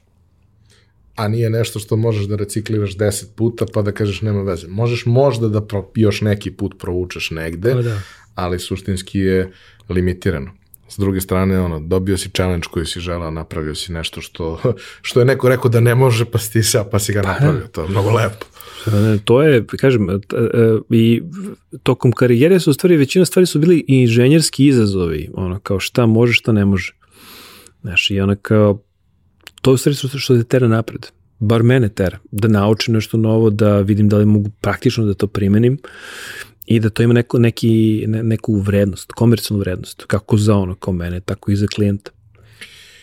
Jednu stvar hoću da te pitam, pošto naravno srđana je nemoguće pitati, jer uh, ja mogu da mu postavim pitanje, ali mora razmisli jedno tri meseca pa da dođe da kaže. Ali ti si taj uh, racionalni, onaj što uh, tiho sedi i čuka za, za laptopom. Ovaj, sećam se. ja i dalje pričam ljudima da si ti prva osoba koja je meni napravila falafel da probam. Pre 15 godina na terasi Huge tada. Ovaj, ali ono što, što, što mi je interesantno, cela ta transformacija Huge od prvog dana do trenutka kad uh, se vlasnička struktura promenila i vi ste izašli i tako dalje. Transformacije koje su se dešavale. Znači, meni se čini da je to sve vreme bio startup, ni u jednom trenutku nije postao zreo biznis, odnosno jeste, jeste postao zreo biznis, ali je mnogo prošlo do tog trenutka, a kroz te transformacije to je bukvalno kao u onim crtanim filmovima kada ono, ne znam ko to beše, ali neko ono menja se iz jednog oblika u drugi, ali se menja tako što počne kao bicikl, pa se pretvori u kamion, pa se pretvori u auto, pa se pretvori u, nemam pojma, kokošku, pa i ono šest oblika promeni i onda se desi ona tranzicija u koju je trebao da dođe. I meni se čini da je Huge upravo bio takav, da ono, svaki put kad bi se viđali smo se po događajima i sve to, svaki put bi se videli ko ljudi da sednemo da pričamo, ja sam slušao neke nove priče. Da. Neki novi fokus šta se radi, što je s jedne strane normalno jer se radi ono gde ima novca u tom trenutku, a to se menja. Ali, znaš, ne, ne, ne možeš iz fundamenta da menjaš stvari, možeš da pivotiraš, to da. je okej. Okay. Pa mislim da smo svi bili gladni, uh, svako, sva, neko je bio uh, gladan, ne znam, uh, sport, neko je bio gladan uh, da ima više ljudi s kojima će da upravlja, neko je bio gladan da ima interesantne projekte, da budu inženjeri. Mislim, svako ima neku svoju ideju kuda treba ići i svako je vukao na svoju stranu, što je normalno. Mislim, uh, i to je rezultiralo, da kažemo, tom drugačijim formi huge iz, iz meseca u mesec, iz godine u godinu. Mislim, ja na kraju dana kad pogledam na sve to, bil, mislim, bilo je fenomenalno vreme, uh, sad vidim, da kažem, ono što mislim da su greške, ali nisu bile realno greške jer nisi znao za bolje. Uh, jedno, ono što smo videli je da želimo da bude, da, da raste firma, da imaš više ljudi, ali to s druge strane traži dobar cash flow, više budžeta nekih, više, veći procenat To jest, treba ti više goriva. E sad, ono, me sad pitaš firma i ostalo, ja bih rekao ok, ali onako moj prvi cilj je da za tri meseca imam uh, prvi sloj menadžmenta uh, kako bi se ja povukao iz operativnog posla. Mi smo non stop bili u operativnom poslu. Mi nikada nismo bili direktori ili menadžeri, mi smo uglavnom bili zajedno sa ekipom u rovima. Poznati Excel programeri. Excel je bio ono, je, ono što, što odeš kad moraš, razumeš. Ali da, probali, probali, smo, probali smo da se izdignemo iz toga, da izađemo iz toga, ali jednostavno ne da ti je toliko u krvi, nego jednostavno nemaš više goriva. Radna, radno vreme je ok za zaposlene, ali za tebe ne postoji. Ti si non stop tu i tu si da ispeglaš ili da ono kao, ako nešto nije završeno, da doradiš. I to je u stvari najveći problem. Mi nikad nismo uspeli da stvorimo uh, taj neki prvi sloj, tip management. U pravom smislu. U pravom smislu. Mi smo imali sjajne ljude, sla, sjajne uh, vođe timova, znači, ali mi nikad nismo imali pravi management. Znači da ja ne moram da ono kao svakog dana dođem i da se bavim operativnim stvarima. Meni se čini da je tu postojala još jedna stvar koja se kasnije u određenoj meri promenila, ali ne potpuno, a to je da ste suštinski, svako u svojoj oblasti, a jeste isprepletano negde, vi dalje bili nosioci svog znanja. Znači, bili su ljudi koji su znali segmente toga, koji su bili dovoljno dobri da mogu svoj deo posla da urade na nivou izvršioca, ali na nivou strategije vi ste bili jedini, i vi često verovatno niste znali kako i šta, ali ste imali malo više rasvetljenu sliku u tom trenutku nego što su zaposleni bili. I sa jedne strane, znaš, gledajući to iz, sa 10 godina distance i razmišljajući sa naknadnom pameću, to je trebalo da se promeni, ali je to bilo nemoguće promeniti jer nije postojalo znanje. Da. Vi ste napravili čitavu jednu vojsku mladih ljudi koji su posle toga kroz pet godina postali sjajni i tako da, ali su krenuli od vas jer nije imalo gde da se nauče. Da, to je problem ovo što ja zovem sada gorivo. Uh,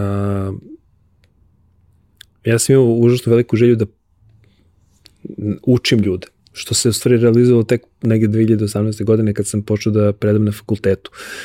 I danas, znači poslednjih 5-6 godina. A, da mogu da prenesem znanje. Da bi preneo znanje kako treba, treba ti vreme, koji je u tom poslu agencijskom baš i nemaš. Ili može da ga imaš, ali to može se desiti po 8-9 uveče, ali ja već u tom trenutku ono kao porodica i ostalo e, limitiram vreme koje ću provoditi na poslu. Tako da, a, i ono što je problematično je a, ti pokušavaš da preneseš u tom trenutku znanje koje se akumuliralo poslednjih 15 godina.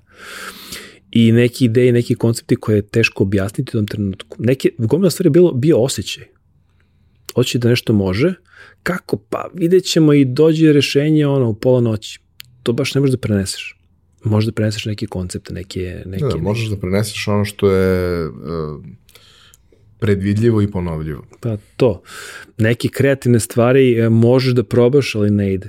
Ali danas, kažem ti, na fakultetu ja imam dovoljno vremena da mogu da, da, da se postavim objašnjenju svaki, svakog elementa procesa ili svakog dela sistema ili objašnjenja, nemam pojma, kako funkcioniše veštačka inteligencija ili mašinsko učenje. I da to objasnim od početka do kraja, da to mi treba uh, četiri predavanja. Da prođemo kroz proces da bi ljudi razumeli šta se tu dešava. Ja tih šest sati nemam, nisam imao sa, sa ljudima u, u Huge. Mislim da tu postoji još jedna, da kažem, bitna stvar, ovaj, a to je u celoj toj situaciji u kojoj se vi u, u tom trenutku nalazite, najdalje što ti možeš da odeš je da pokušaš nekome da preneseš način razmišljanja. Mm -hmm, da a način razmišljanja je način na koji procesiraš podatke u bazi podataka. Ali nemate istu bazu podataka. Ti imaš 20 to. godina, oni imaju dve godine. Pa i da su najvredniji bili te dve godine, to je i dalje ono, 10 puta manje informacija efektivno. Posebno što ne mogu da kažem, znam svu tu decu koja više nisu deca, nisu. koje su tu došle i koje su prošle, ne, ne kroz huge, nego generalno kroz industriju, uh, to su bili neki sjajni mladi ljudi u tom trenutku koji su se interesovali za to, ali nisu došli sa nekim sa nekom ozbiljnom širinom, sa nekim ozbiljnim inženjerskim backgroundom. Oni su došli tu zato što je to šareno i zanimljivo i mrda se. Znači, to je cool. I to je super. Ali, znaš, kao, taj što na kraju dođe da uradi gips i da okreči nije onaj koji je sazido zgradu.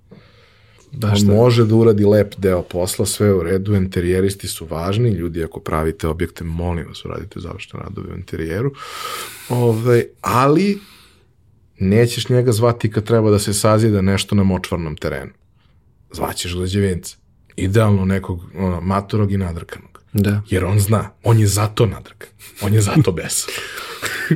da, jer zna da ako nešto ne uradi tada kada treba, vratit ćemo se posle godinu, dve, tri, pet i onda će da ga kljuca, a ne želi da bude tu. Da, sve mi jasno. Ali da, baš tako. E, kako si odlučio da izađeš?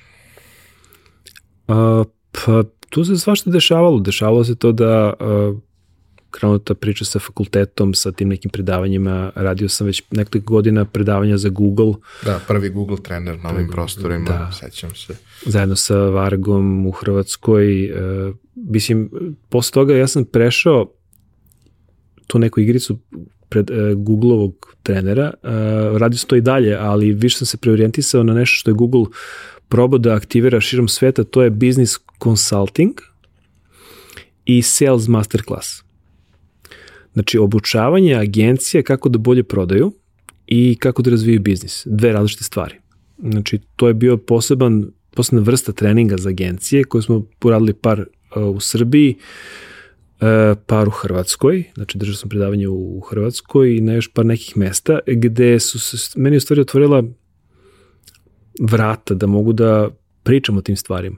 Da se odmah razumemo, to je bukvalno paket materijala, video koje te obučeo, daju ti širinu koju možda nisi imao sa svojim startupom.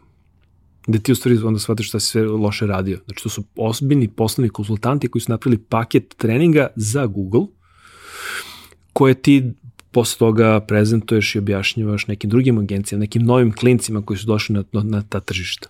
I to je ispalo super, fenomenalno. Meni je to otvorilo neka nova vrata. Uh,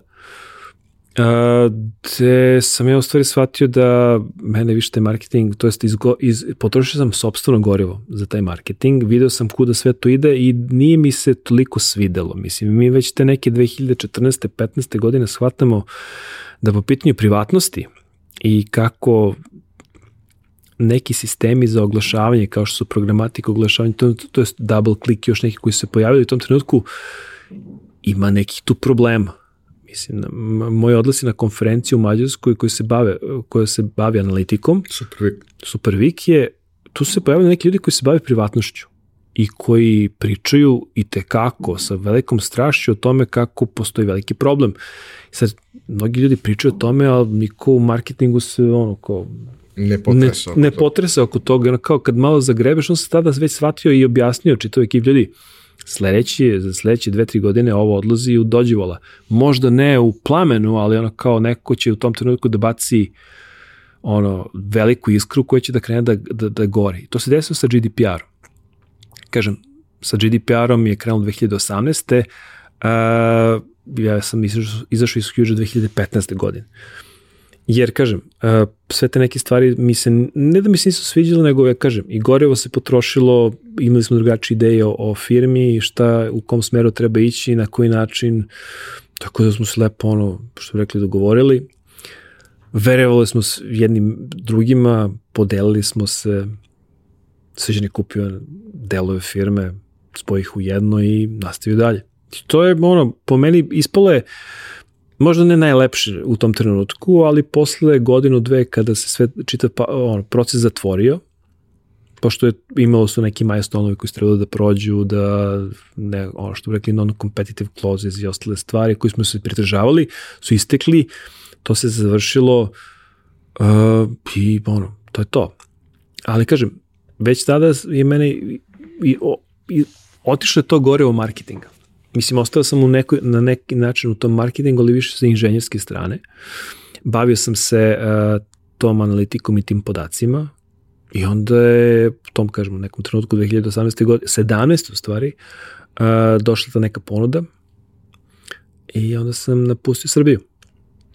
I otprilike u isto vreme kreće ozbiljnije priča sa, sa fakultetom. Da, da. Ti si i pre toga bio gostujući predavač, klinci su imali mogućnost da otlušaju aj nešto što bih ja zvao neki master klas O Google ovaj, koji je bio vrlo, vrlo ozbiljan o Google oglašavanju i mislim analitici, ali jedna stvar je kad je to fakultativno, mada Da. su većina dolazili jer jeste bilo važno i sjajno, ali druga stvar je kad je to nekakav integralni deo kurikuluma i na taj način je vrlo ozbiljno ugrađeno u celu priču. Meni je bilo super što je to dok nisi postao deo ekipe, e, klincima omogućavalo da mogu da polažu za sertifikate, Da. što jeste bilo big deal u tom trenutku. Ovaj, ali e, ne mogu da kažem da mi je da, da sam redko pratio ljude iz Srbije u prethodnih 20 i kusur godina, ali mi se nije mnogo često dešavalo da pratim ljude koji su u zrelim godinama, imaju ozbiljnu karijeru iza sebe, ozbiljne neke rezultate i idu u ozbiljnu zemlju, u ozbiljnu firmu, na ozbiljnu poziciju, a ono, nemaju 27 godina, nemaju 24 godine, nemaju, nego su neki pravi ozbiljni ljudi koji imaju stan, koji imaju porodicu i sve, ipak, uh, ipak uh, kažu da je dva i po sata avionom ovaj, zapadnije ovaj, neka, neka bolja opcija, neka zdravija opcija.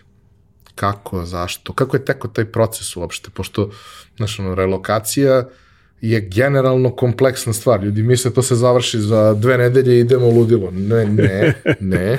Mislim, možda i da u nekim startup pričama gde je daj frka odma, daj da vidimo, ali ti si otišao u korporaciju, u korporacijama ništa ne funkcioniše tako. Da, tom, tada ne funkcioniše tako, sada već malo drugačije, ali te 2017. godine, vidi, 2015. sam ja izašao iz Huge-a, kraj 2015. Da.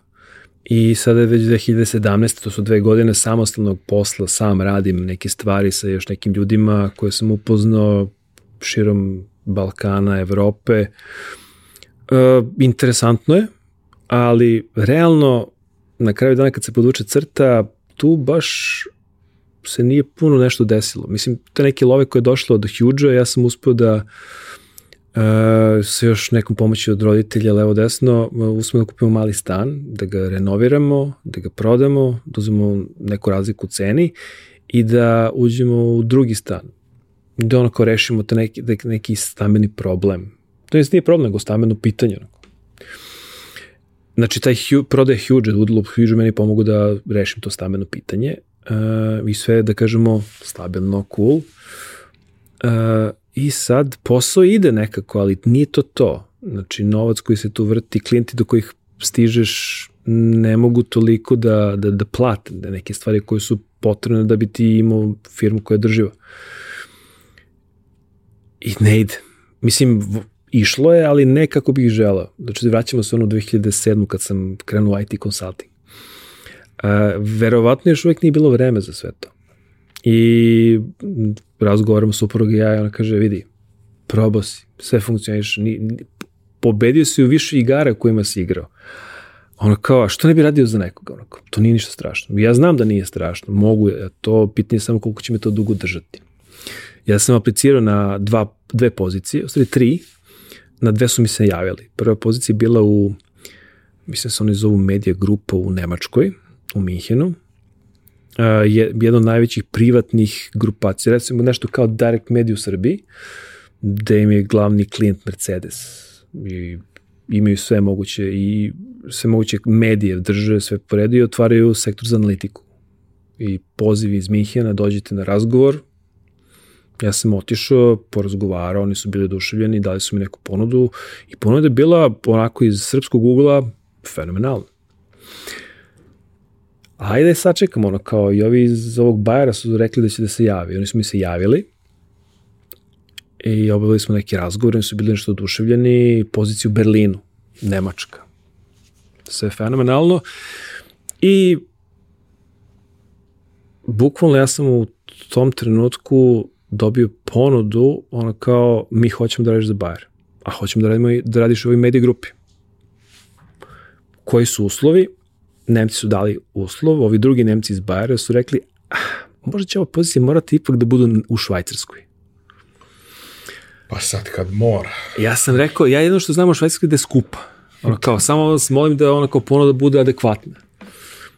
Ne znajući da uh, tu nema puno priče, znači sve te neke švajcarske plate, te neke, neki platni razredi su standardni, nema tu levo, desno, nema tu puno pregovora.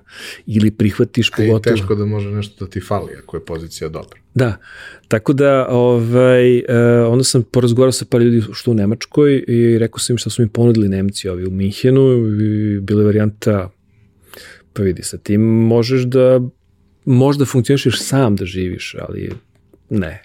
Nije bila adekvatna ponuda, ono što su ovo u Švajcarskoj ponudili bilo wow. Ono što je bilo interesantno, ja sam čekao za tu, da, od trenutka kad smo se mi dogovorili, od trenutka kad sam ja počeo da radim je prošlo skoro godinu dana. A, razlozi su bili apsolutno banalni. Od toga da pozicija trebala da se premesti papirološki ili kroz elektronski sisteme iz Nemačke u Švajcarsku, onda to trebalo da prođe kroz neke cikluse budžetiranja, svega i svačega. Pa je onda ono što nisam znao, to sam saznao tek posle par godina, pozicija prvo bi to trebalo bude uh, direktor, pa su je spustili na nivo konsultanta. Tako da, mislim, svašta se tu dešavalo, dok na kraju dana nije došla ta, da kažemo, finalna stvar, da potpišemo ugovor, on sam potpisao ugovor, um, platili su nam put da dođemo da vidimo kako izgleda Bazel, kako izgleda sve po redu, mi smo to videli, sve je to bilo fenomenalno. Mm, I onda e, počinjete raditi za tri meseca.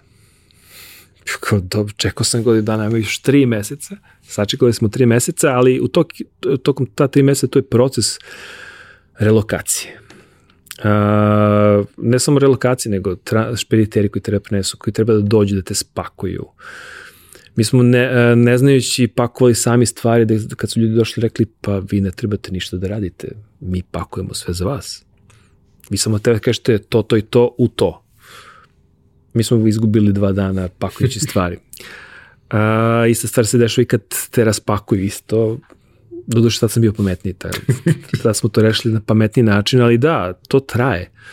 To traje. E, ozbiljna pozicija iz ugla, kada sam stigao, sam shvatio da je pozicija da konsultantska, ali po pitanju te neke, neke hjerarhije dosta bliska, e, kažem, na korak ispod direktorske pozicije, jer jednostavno e, ono što su oni u tom trenutku tražili nekoga ko može da bude uh, nešto između IT-a, biznisa i inženjerstva ko može da odgovori na pitanja koje ljudi da u digitalnom... Prevodilac. Prevodilac, uh, jer ja sam pored sebe imao takozvanog biznis partnera. Ali sam ja bio konsultant biznis partneru. Neko ko zaista priča s, sa biznisom. Mislim, takozvana matrična organizacija u korporacijama je posebna priča, ali ono što je ključno je da uh, biznis partner zna da priča biznis, ja znam da pričam tek. I znam da pričam sa biznis, konsult, biznis partnerom, ali znam i biznis.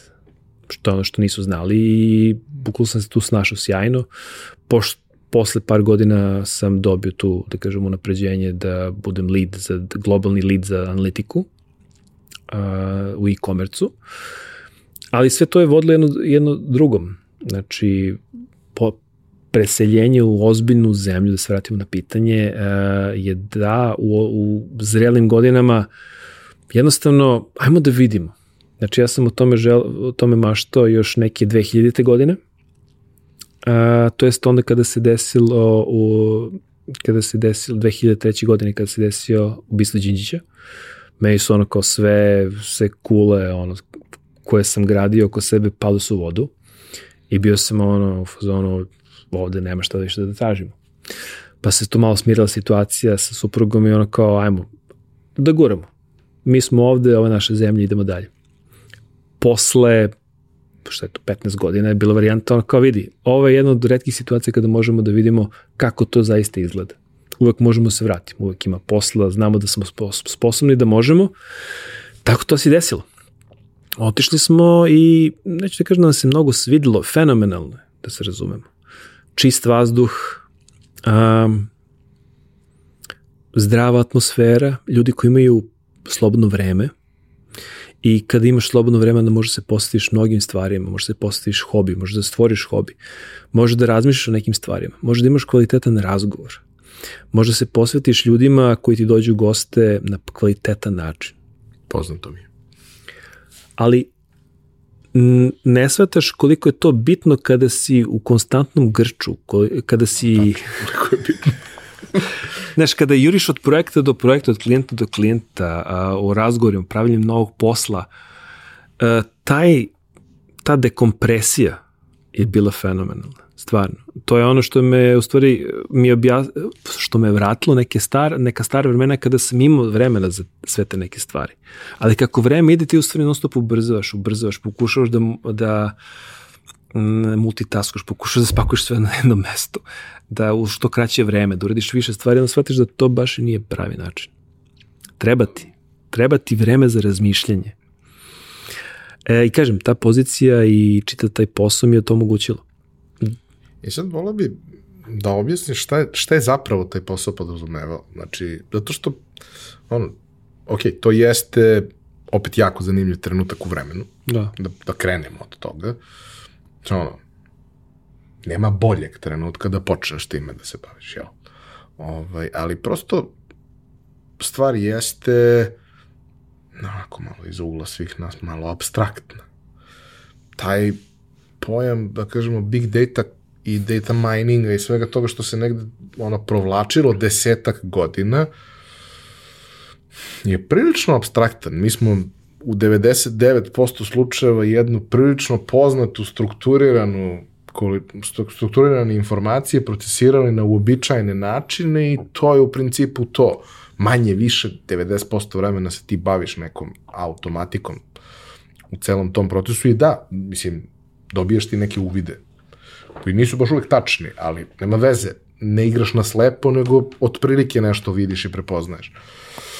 Ali to je uglavnom digitala, klasični e-commerce, ono, maloprodaja e-commerce i sve ostalo. A u tom trenutku mi o tome šta rade veliki sistemi, šta rade korporacije, čujemo na nivou fenomenologije, mm -hmm. na nivou ponekog case studija u kome se suštinski ne kaže ništa na konferencijama, jer niko neće da deli ništa od toga. I na nivou fenomenologije u smislu uh, evo kako se lupam Amazon bavi uh, prediktivnom analizom za distribuciju proizvoda, pa imaju ono kraći, brži ono last mile zato što znaju unapred odakle će ljudi da naruče, imaju toliko podataka da znaju unapred da. ko odakle naručuje šta. Ali mi sad pričamo o jednoj vrlo tradicionalnoj korporaciji koja iz ugla svih nas, verovatno ne i vas, ovaj, se ne bavi e-commerce. Mislim, kao ti odeš na sajt, on je jedan vrlo onako korpo, ozbiljan, znaš, kao ne znaš baš da li prave lekove, boje ili mašine za poljoprivredu. Da. Ovaj, o kojim podacima uopšte pričamo, šta je, šta je ono prvo što je tebe privuklo, osim činjenice ozbiljna firma, ozbiljna pozicija, ozbiljna plata, divan grad, kao šta je tebe provuklo i šta je podrazumevao taj posao? Uh, pa vidi ovako, prvo što kažu disclaimer, A, ovo su moje lične razmišljenja i stvari koje su javno dostupne, inače koje ću ponoviti ovde, nisu ništa tajno. A, broj jedan, pored svega onoga ono kao stabilan posao, pa ajde da probamo i ostalo, bio je stvar ega. Ega u smislu, a, ja sam od uvek želao da radim nešto na globalnom nivou. Tipa, ako ja nešto definišem, odlučim... Da igraš u Ligi šampiona. To, ono kao, ja sam od to želeo. Taj ego, taj moment, taj ego trip da ono kao radim nešto na globalnom nivou i da ono kao ja nešto odlučim pa se to desi tipa u Japanu ili negde, to je nešto što, što me stvarno ložilo, što si ostvarilo. Da se razumemo, znači neke stvari koje, na kojima sam radio, koje sam pripremio sa timom i sa nekim konsultantima, to se zaista i desilo. Što bi, što bi rekli, to mi se ispunilo, uh, plaćen kako treba, nagrade za, za rad. To jest, moj standardni rad koji podrazumeva da se ja uključim, da se bavim, da naučim nešto i da izvršim, su ono kao, to se ne dešava u korporaciji takvog nivoa. Jer previše, jednostavno, ono što sam ja radio je specifično i nije se dešavalo često i dobio sam gomilu nekih nagrada, internih nagrada, uh, ono, prepoznavanje od strane zajednice, tipa IT zajednice, unutar korporacije, uh, to i tekako, ono što bi rekli, mazi tvoj ego. To je pokazujete da ljudi su i tekako zahvalni za to što radiš. Ja takav nivo prepoznavanja nisam doživio, doživio u Srbiji, da se razumemo. I to je još jedna od stvari koje se, koje se desila. Jednostavno, to, kažem, nivo prepoznavanja, prvo unutar korporacije, onda i u nekoj široj recimo švajcarskoj zajednici ili uh, u Evropi koje se, de, koje se dešava je nešto se, kažem, nije dešavalo ovde i to prija i tekako prija. Onda kad pređe taj period prijanja, onda dolazimo do toga šta ti u stvari radiš. A radiš sa podacima. Šta su to ti podaci? Pa svet je veliko mesto. Mi vidimo Evropu, mi vidimo Srbiju, mi vidimo našu okolinu, naše ono, Hrvatska, Rumunija, Bu, Bugarska i slično. Ali ne znamo šta se dešava u nekoj Rusiji ili u nekoj zaista šta se dešava u Americi ili u Japanu ili u nekom Peru ili Filipinima. Bukvalno u okvirima uh, korporacije to su sve posebne teritorije na kojim se dešava nešto specifično. Broj jedan, ti možeš da pokušaš da sve to sublimiraš na način da bude uvek isto, da bi mogu da analiziraš. Ljudi su drugačiji, ali ljudsko ponašanje je dosta slično. Neki trendovi su različiti. Ljudi drugačije stižu do neke kupovine. Drugačije izgledaju neki prioriteti pa čak i unutar Evrope drugačije kupuju Francuzi, drugačije Skandinavci, drugačije Italijani. E, I ti sve to moraš da dekodiraš. Prvo da dekodiraš ta ponašanje u neke standardne stvari, neki standardni vid podataka, da sve to sublimiraš i da probaš da sakupiš to na jedno mesto. I da to da imaš, da probaš takođe iz istorijskih podataka da to isto prevedeš na isti jezik je najveći problem sa big data najveći problem sa mašinskim učenjem, najveći problem sa veštačkom inteligencijom je da ti treba gomila podataka ne sada, nego ti treba i podaci od poslednjih 5 do 10 godina, koji su smešteni na sličan ili isti način da bi mogo da ih analiziraš. Ja sam stvari počeo baviti tim problemima. Prošle godine sam, na primjer, na fakultetu počeo da predajem uh, big data uh, i AI Zašto? Pa tek sam mogu da imam realne slučajeve, realne podatke koje mogu da prezentujem studentima, da radim sa studentima na realnim problemima. Radio sam na tome već poslednjih četiri godine, ali tek sam sad osjećam se sposobnim i spremnim da to prenesem to znanje. A proces je dug i težak. Da bi ti uopšte nešto uradio mora trebati mnogo, mnogo podataka. Ali ne onoliko koliko mi očekujemo ne terabajti podatak, ne treba ti toliko, treba ti daleko manje. Ali ponovo, možeš da ih dekodiraš, možeš da ih pripremiš da bi mašina to mogla da prepozna. Mislim, već sad vidimo sa ovim chat GPT-em i ostalim, da to izgleda kao magija, ali to nije magija. To je čist inženjering i to je spoj različitih nekih alata, tehnologija koji su nezavisno postojili, koji su sklopljeni na inženjerski način u nešto se zove chat GPT mislim, iskreno, cela priča sa chat GPT-em, ono, kao neko koga je testirao, tek kad se pojavio i igram se s njim sve vreme, ima beskreno zabavnih primjena. Mm. Ima beskreno interesantnih i korisnih primjena u smislu jako je dobro rešenje ako hoćeš da ti sredi jezik, ako hoćeš da ti uh, refrezuje, odnosno da ti preformuliše neke stvari, da ti stilizuje to što si pisao. Ko hoćeš da ti sublimira, da ti izvuče neke ključne stvari, ono, tri strane, izvuci mi deset ključnih stvari, izvući će prilično dobro te stvari. Sve to super. A neko ga pitaš da kreira nešto, do, možeš da dobiješ sjajnu stvar, možeš da dobiješ potpunu glupost.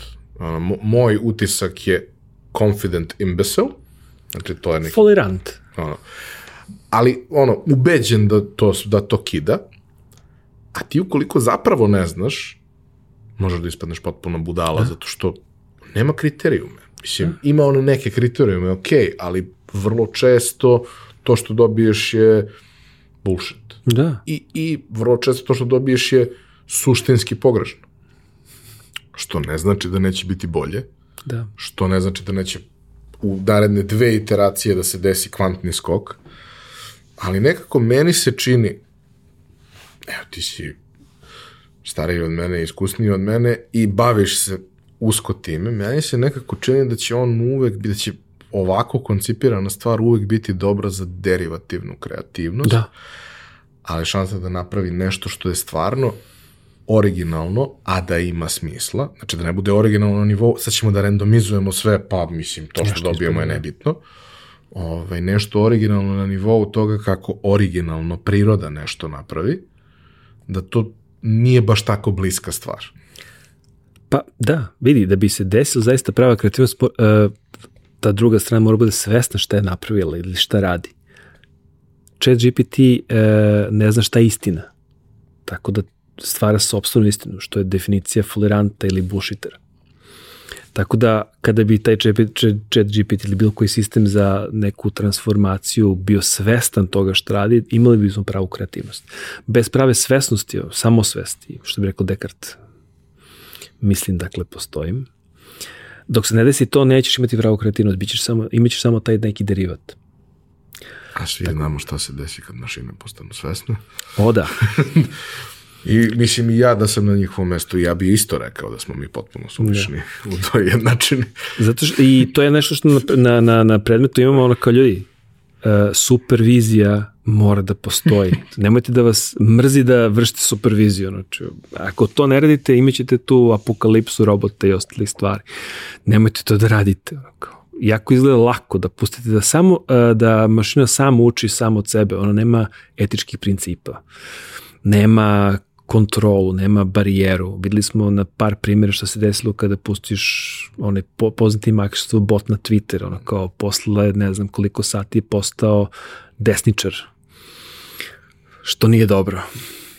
Da, to su ne neke stvari. Sad, ajde da se vratim nazad na korporaciju, na podatke. Posle ove male digresije u svet veštačke inteligencije. Uh, podaci, da se razumemo, nik, uh, svi smo loši na početku. Sve su korporacije loše na početku, svaka kompanija je loša na početku. Huge je bio loš na početku dok ne, ne, ne nađe pravi put. U slučaju korporacije, korporacije nađu svoj put posle 3, 4, 5 do 10 godina. U sve, sferi e-commerce i svega ostalog. Uh, Bari je po pitanju tog e-commerce funkcionaju su već nekih 6-7 godina i više na nekim teritorijama. Ono što postoji, postoje dve vrste e-commerce iz ugla korporacije. Prva stvar je direktno do kupca, znači to je kad imaš sobstveni shop i prodaješ miniću aspirine. Kako to zvuči divno. Da, ili prepa, mislim ima različitih stvari. E sad, to je jedna, jedna, jedna situacija uh, kada direktno komuniciraš sa potrošačem. Kupcem, mušterijom, odmah da se ograničam, nije, nije potrošač. Potrošač je malo gruba reč. Ajmo kažem mušterija, klijent, Konzument. konzument. E, to je jedna, jedna stvar i to je dosta redko. Zašto je redko? Pa zato što zahteva puno resursa. I farmaceutski proizvodi su specifični u tom smislu. Čak i over the counter ne postoje u tom obliku. Što Da. nema vendomat za lekove, ima za suplemente. Da, i za, zaista je lokalna stvar, svaka zemlja svoja je pravila. regulativa. Ali ista stvar i sa Google Adsom. Google Ads dozvoljava da se prodaje, da se reklamira pivo u Češkoj. Ali ne u Srbiji, zbog lokalnih propisa. Ista stvar sa preparatima, lekovima i ostalim stvarima. Neke stvari su, da kažemo, legalni mogu da se oglašavaju u, u recimo, u Francuskoj, ali u Italiji ne mogu. Ili nekim drugim mestima. Tako da svaka zemlja svoje pravila. Ali postoje neke zakonitosti. I sad, imati e-commerce shop, znači sobstveni shop ili čak imati nekog posrednika koji to radi za tebe pod brendom korporacije je skupo. Na kraju dana je skupo. Nije toliko skupo da ti to postaviš, skupo je održavati. Održavanje uh, košta. I to je još jedna od stvari koje nauči stvari u životu, na primjer u Švajcarskoj ili negdje na zapadu je da moraš da platiš održavanje. Ako ne uzmeš taj trošak održavanja u obzir, ti propadaš jer e, nemaš održiv sistem. Tako da korporacije kako dugo razmišljaju i traže put kako da organizuju stvari. Tako da u ovom slučaju tog direktnog šopa gde možeš da kupiš kao potrošač, to se nije desilo u puno slučajeva, ali se, se desilo tome da postoje veliki kupci koji prodaju proizvode. Kao što je Amazon. Amazon je ogroman kupac. Da, partneri su. partneri. Reselleri. Da, ali postoji i druga strana tog resellera da ti koristiš platforme kao što je Amazon da direktno prodaješ. Znači imaš i takvi slučaj. Znači imaš svi, dve i po, možda tri vrste tog e-commerce. E sada, svaki, e, ono što dobiš od Amazona je fenomenalno, ali nije stabilno. A, podaci koji dolaze od Amazona mogu lako da se, ono, um, posle mesec dana da se promene za prošlost dok oni shvate da su nešto pogrešili možda.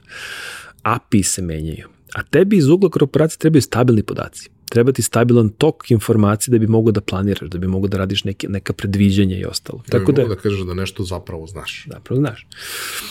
E sad, moj posao, ja sam u IT-u, uh, lead koji se bavi analitikom globalno, znači Amerika, ostatak sveta minus Kina. Kina je posebna priča. A jednostavno iz ugla privatnosti podataka mi jednostavno ne možemo da priđemo kineskim podacima. Oni su zaista svet za sebe, teritorij za sebe i oni se bave sobstvenom teritorijom i podacima. Mi se bavimo ostatkom sveta. Stvar je u tome što uh, iz sve te šume podataka i dalje u 2023. godini sada već Nažalost, podaci se, uh, ma koliko smo mi evoluirali u, u IT-u, da je sve to, da kažemo, po nekim standardima, po nekim JSON, XML, feedovima, nekim čudima koje je modern IT doneo, koje su fenomenalne, da bi sve to, što bi rekli, ag- agregirao, spojio, povezao, to je dalje pakao je dalje pako, ali na kraju dana ako usmeriš dovoljno snage, energije, ako te interesuje to, e, rešit ćeš problem. I mi smo posle par godina rešili problem i sada imamo stabilan model, svi ti podaci su povezani međusobno, da su podaci koje smo spojili u jednu celinu, sada postali takozvani um, core data asset, koji može svako da koristi uh, za predviđanje, za uh, planiranje prode, za strateško odlučivanje i ostalo.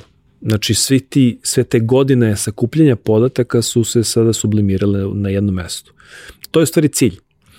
Da ti uh, imaš održiv održiv, ponovljiv izvor podataka.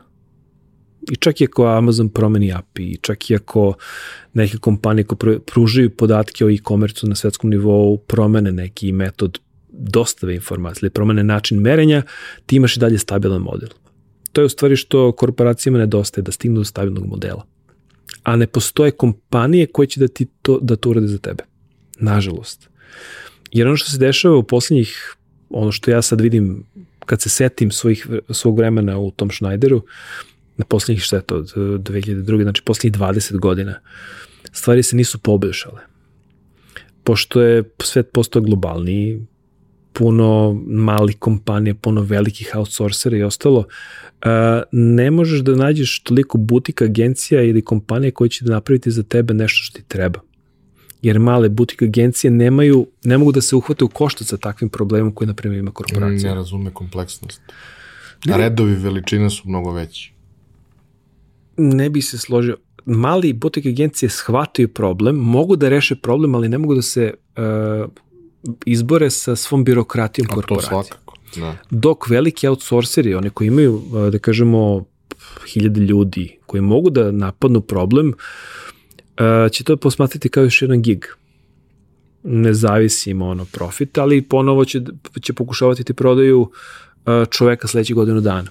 Jer što skuplje, što kompleksnije, da. bez ikakve posvećenosti, bez ikakve bez ikakvog cilja da ti zapravo dođeš do toga. Znači, da. trebaju ti ludaci, ludaki možda i možeš da nađeš, ali ludaci ne mogu da budu deo takvog sistema, a moraju da budu deo da bi stvari mogle da, da funkcioniš. Da, tako da to je konstantno, da, što bi rekli, porodili smo proizvod koji ima svrhu i koji će se koristiti sledećih ono, 10 godina za modeliranje, za strateško planiranje i ostale stvari. Ali ponovo, kažem, to je, to je, to je dug proces, a teško da možeš da ga razvijaš s polja. Možda tako možda razvijaš ga iznutra i razvijaš ga sa nekim partnerima. I to delove, kao što bi rekli u onoj američkoj vojsci, kao imaš hiljadu pod izvođač, niko ne zna šta radi. Niko ne zna šta rade ostali. Ostali, da. Tako da na kraju dana mi se time bavimo jer kada bi probali smo par puta da, se, da dođemo do nekog partnera da mu predstavimo široku sliku i to je ono bilo ono kao raspadanje glave. Ono. Jednostavno ne mogu da shvate širinu svega toga. Ti mogu da se uhvate u koštac, tako da moraš da podliš posao na hiljade malih delove da ih I da podliš. budeš ti taj koji kontroliše širu sliku. E, i onda te bole glava. Ali, s druge strane, ono, kaži ti, e, imaš poslu, možeš se postaviš na dva načina. Play to play, play to win. Znači, možeš play to play da živiš čitavog života ono, u korporaciji, da stigneš do penzije i da te ne boli glava. Igraš. Jednostavno igraš tu igru u korporaciji. A možeš, možeš i play to win da je sve to velika igra da imaš druge interesantne projekte da ono kao probaš, ne da pobediš, već da ono kao uradiš nešto što niko ni drugi nije uradio, a u korporaciji to imaš širinu. Znači, mnogi stvari, mnogi ljudi niš, mnogi stvari se nikad nisu desile u korporaciji, tako da imaš veliku širinu i veliku mogućnost da uradiš nešto dobro. Eto, play to win. Šta bi izvukao kao neki možda najvažniji zaključak ako zanemarimo sam posao, sam zadatak? Ovaj, šta si najviše dobio ti kao profesionalac time što si bio deo na visokom nivou, odnosno i dalje si deo, što si deo jednog velikog, ozbiljnog sistema gde se rade ozbiljne stvari sa ozbiljnim ljudima. Koliko je ono koliko su tvoje drugačije koliko su tvoje očekivanja bila drugačije u smislu organizacije same i, i toga, ne posla zadatka, nego prosto mi svi mislimo da u tom nekom Google-u, Facebooku, uh, bilo kom od velikih sistema rade ljudi koji imaju osam ruku i dve glave. I u nekim firmama stvarno rade ljudi koji imaju osam ruku i dve glave, ali e, moj prvi odlazak u, u Kaliforniju, kad sam ovaj, išao kod Nebojše i Damjana i upoznao i, da kažemo, ekipu za kojom radi, i firme i sve ostalo, je bio kao, dobro, kao, dobro Google, kao, znaš, Google je, Google čudo. Shvatiš da je Google, ono, brate, zastava. Mm -hmm. Znaš, Google ima, ne znam, 100.000 ljudi, lup. Nije, nema 100.000 izuzetnih ljudi. Ima Da. 500 izuzetnih ljudi ili 1000. Ako ovo ostalo su ljudi kao bilo koji drugi. Da. I na većini drugih mesta je to tako. Uh, naravno, postoje male firme koje su izuzetne, postoje velike firme koje teže tome da budu malo više izuzetne od drugih, tako što se trude da naprave timove koji su izuzetni. Pa ti imaš, ne znam, 100 vrhunskih timova i oni ukupno čine 2000 ljudi od 180.000, ali ti ljudi su kidanje, što je ono, princip kako je napravljen Apple, kako je organizovan, na primjer, i neke druge firme, ali kao, generalno ti kad dođeš susret sa, sa tako nečim, kad odeš, vidiš i sve to, prvi put vidiš no, Google Plex i sve to, sve super, ali ti si tu došao kao pešadinac. I u principu može da se desi da znaš nekog ko je visoko i onda imaš malo ono, pogled od ozgo, ali u većini slučajeva ti imaš pogled drugog pešadinca koji je unutra. I kad pričaš, no, nema tu ničega stvarno izuzetnog.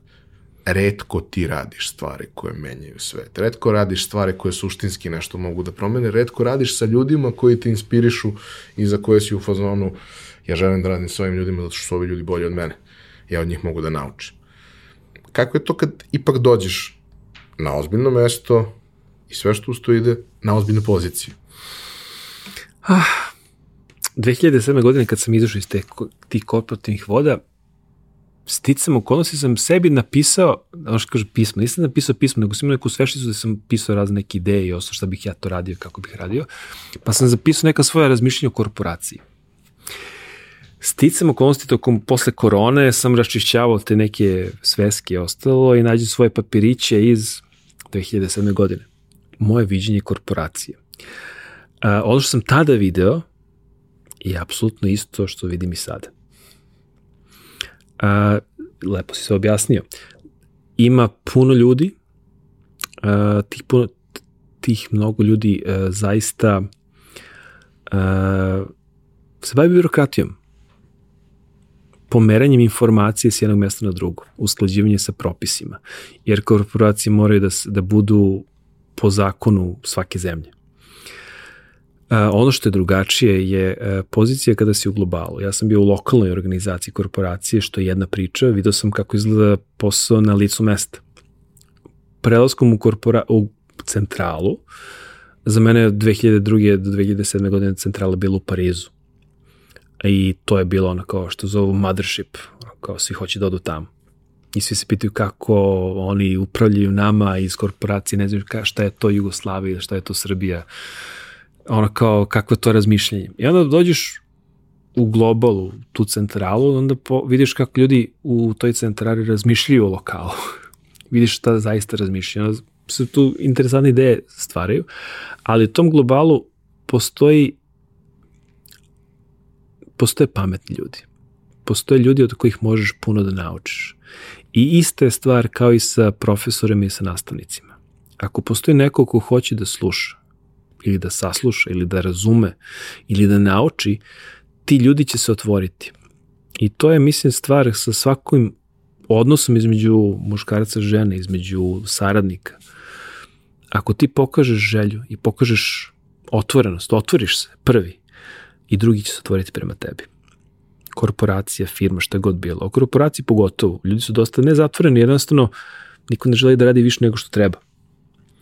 Ali ako pokažeš želju i znanje i želju da naučiš, otvorit će ti. Ja sam upoznao predivne, e, ne samo predivne, nego veoma sposobne ljude koji nisu proste birokrate. One na prvi pogled izgledaju kao birokrate, ali su, kada, ih posta, kada im postojiš pravo pitanje iz te oblasti kojim se oni bave, i pitaš onoga, a šta, aj mi sad ti mi reci šta je u stvari ovo znači.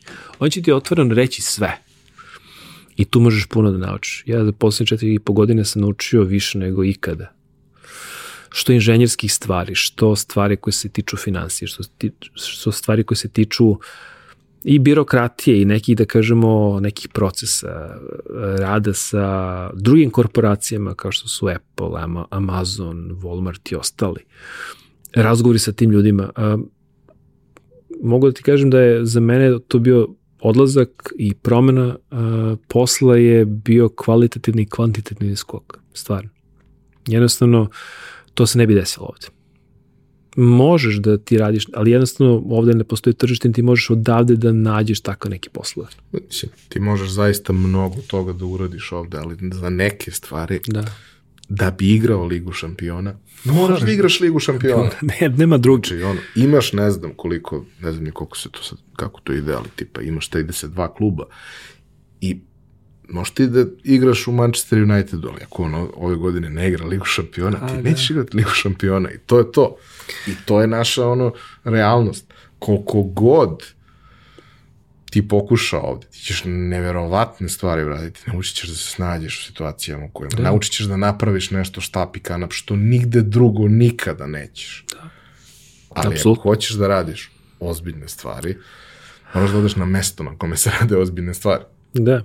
I vidi, jedna od stvari koje, uh, samo se malo, malo digresije nazad na ono, kad sam se počeo baviti preduzet, preduzetništvom i huge i ostalim stvarima, imao sam malo vreme, slobodnog vremena.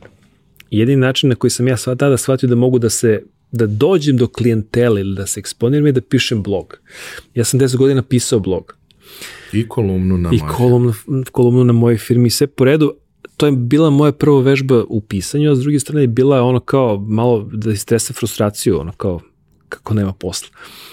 Ali tako isto tako ideje šta je posao.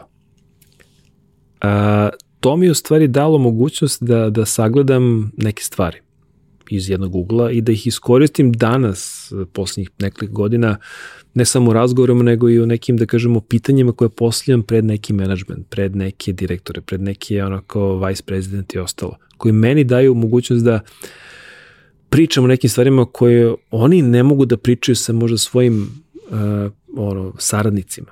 Jer jednostavno, kažem, mnogi ljudi su birokrate.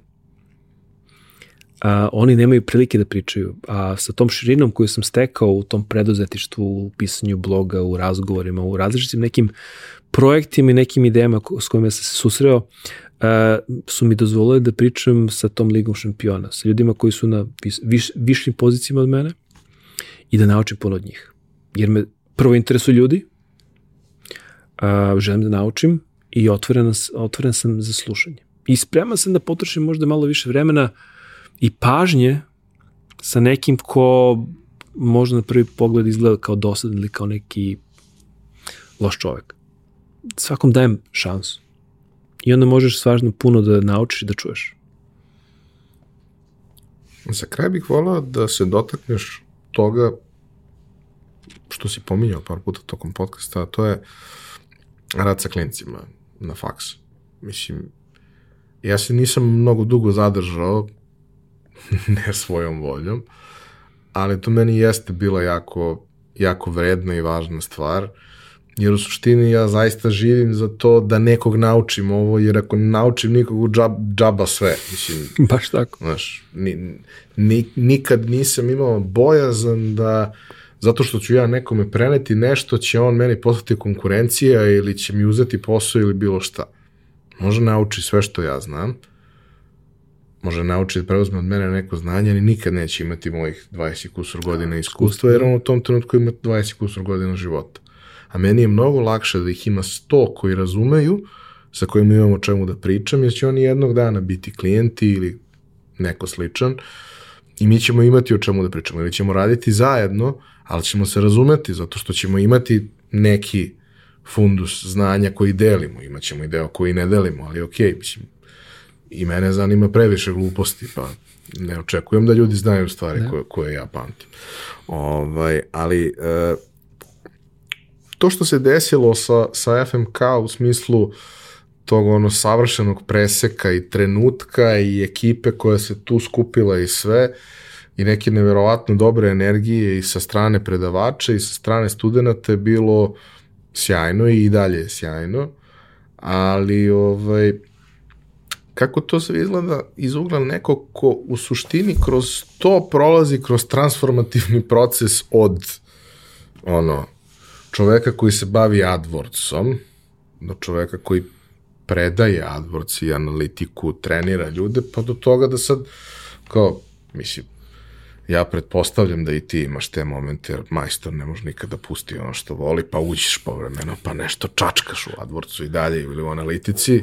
Ne. Ne. Ne. O, ja imam momente i dalje, ali kao, znaš, to, to je 5, 6, 7 godina kojima se desilo toliko toga gde si ti sazreo, a samim tim i to što, što radiš i, i ceo program i svi ti klinci i sve, ono, kako to izgleda, odnosno, uh, prvo, koliko ti je to važno i uh, šta ti tu vidiš kao neku vrstu razmene vrednosti koja se dobije. Pošto ako nema razmene, onda to nema nekog smisla. Ako je to samo ono, neiscrpno davanje vrednosti, nakon nekog vremena ne možeš više, nisi gejzir. Da.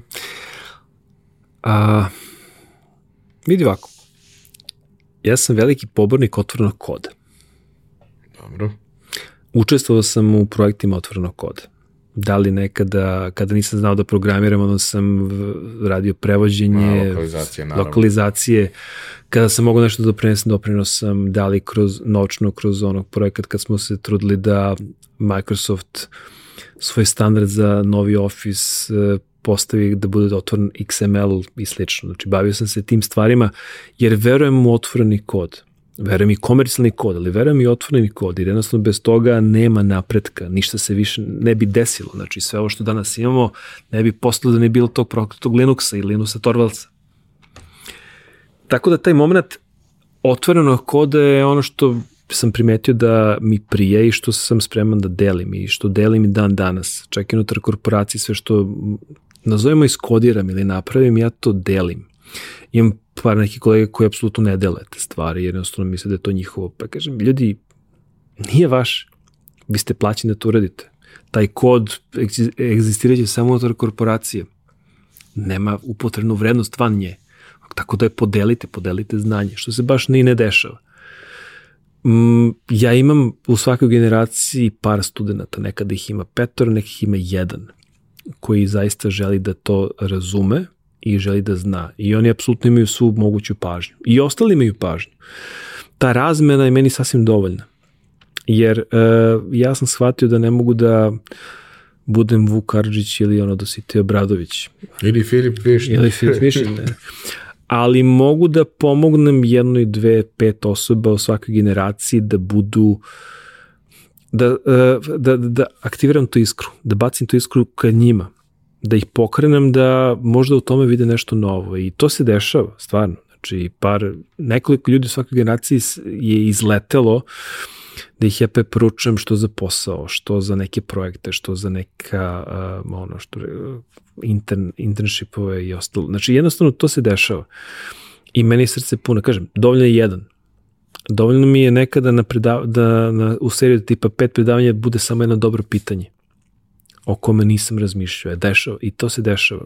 I to je razmen. To je razmen. To je, to je razmen. Naj klasičnijem smislu. Naravno, uvek me nervira ono kao ako student ne pročita šta sam napisao ili što ne odsluša sva predavanja koja snimam inače. Znači, sva predavanja su ikada koje su sam obavio na fakultetu su snimljena i uvek može se vrati, pa se ne potrude to, to me nervira, ali sa druge strane, kažem, meni je dovoljno da se jedno, jedno pitanje desi na predavanje ili u seriji predavanja da mi to vrati meni iskru koju mogu da vratim nazad a po hvala Bogu e, sad se malo menja nastavni pra, plan, ta analitika, to merenje učinka digitalnih kampanja se premešta na četvrtu godinu, jer vidimo da ima smisla da se premesti.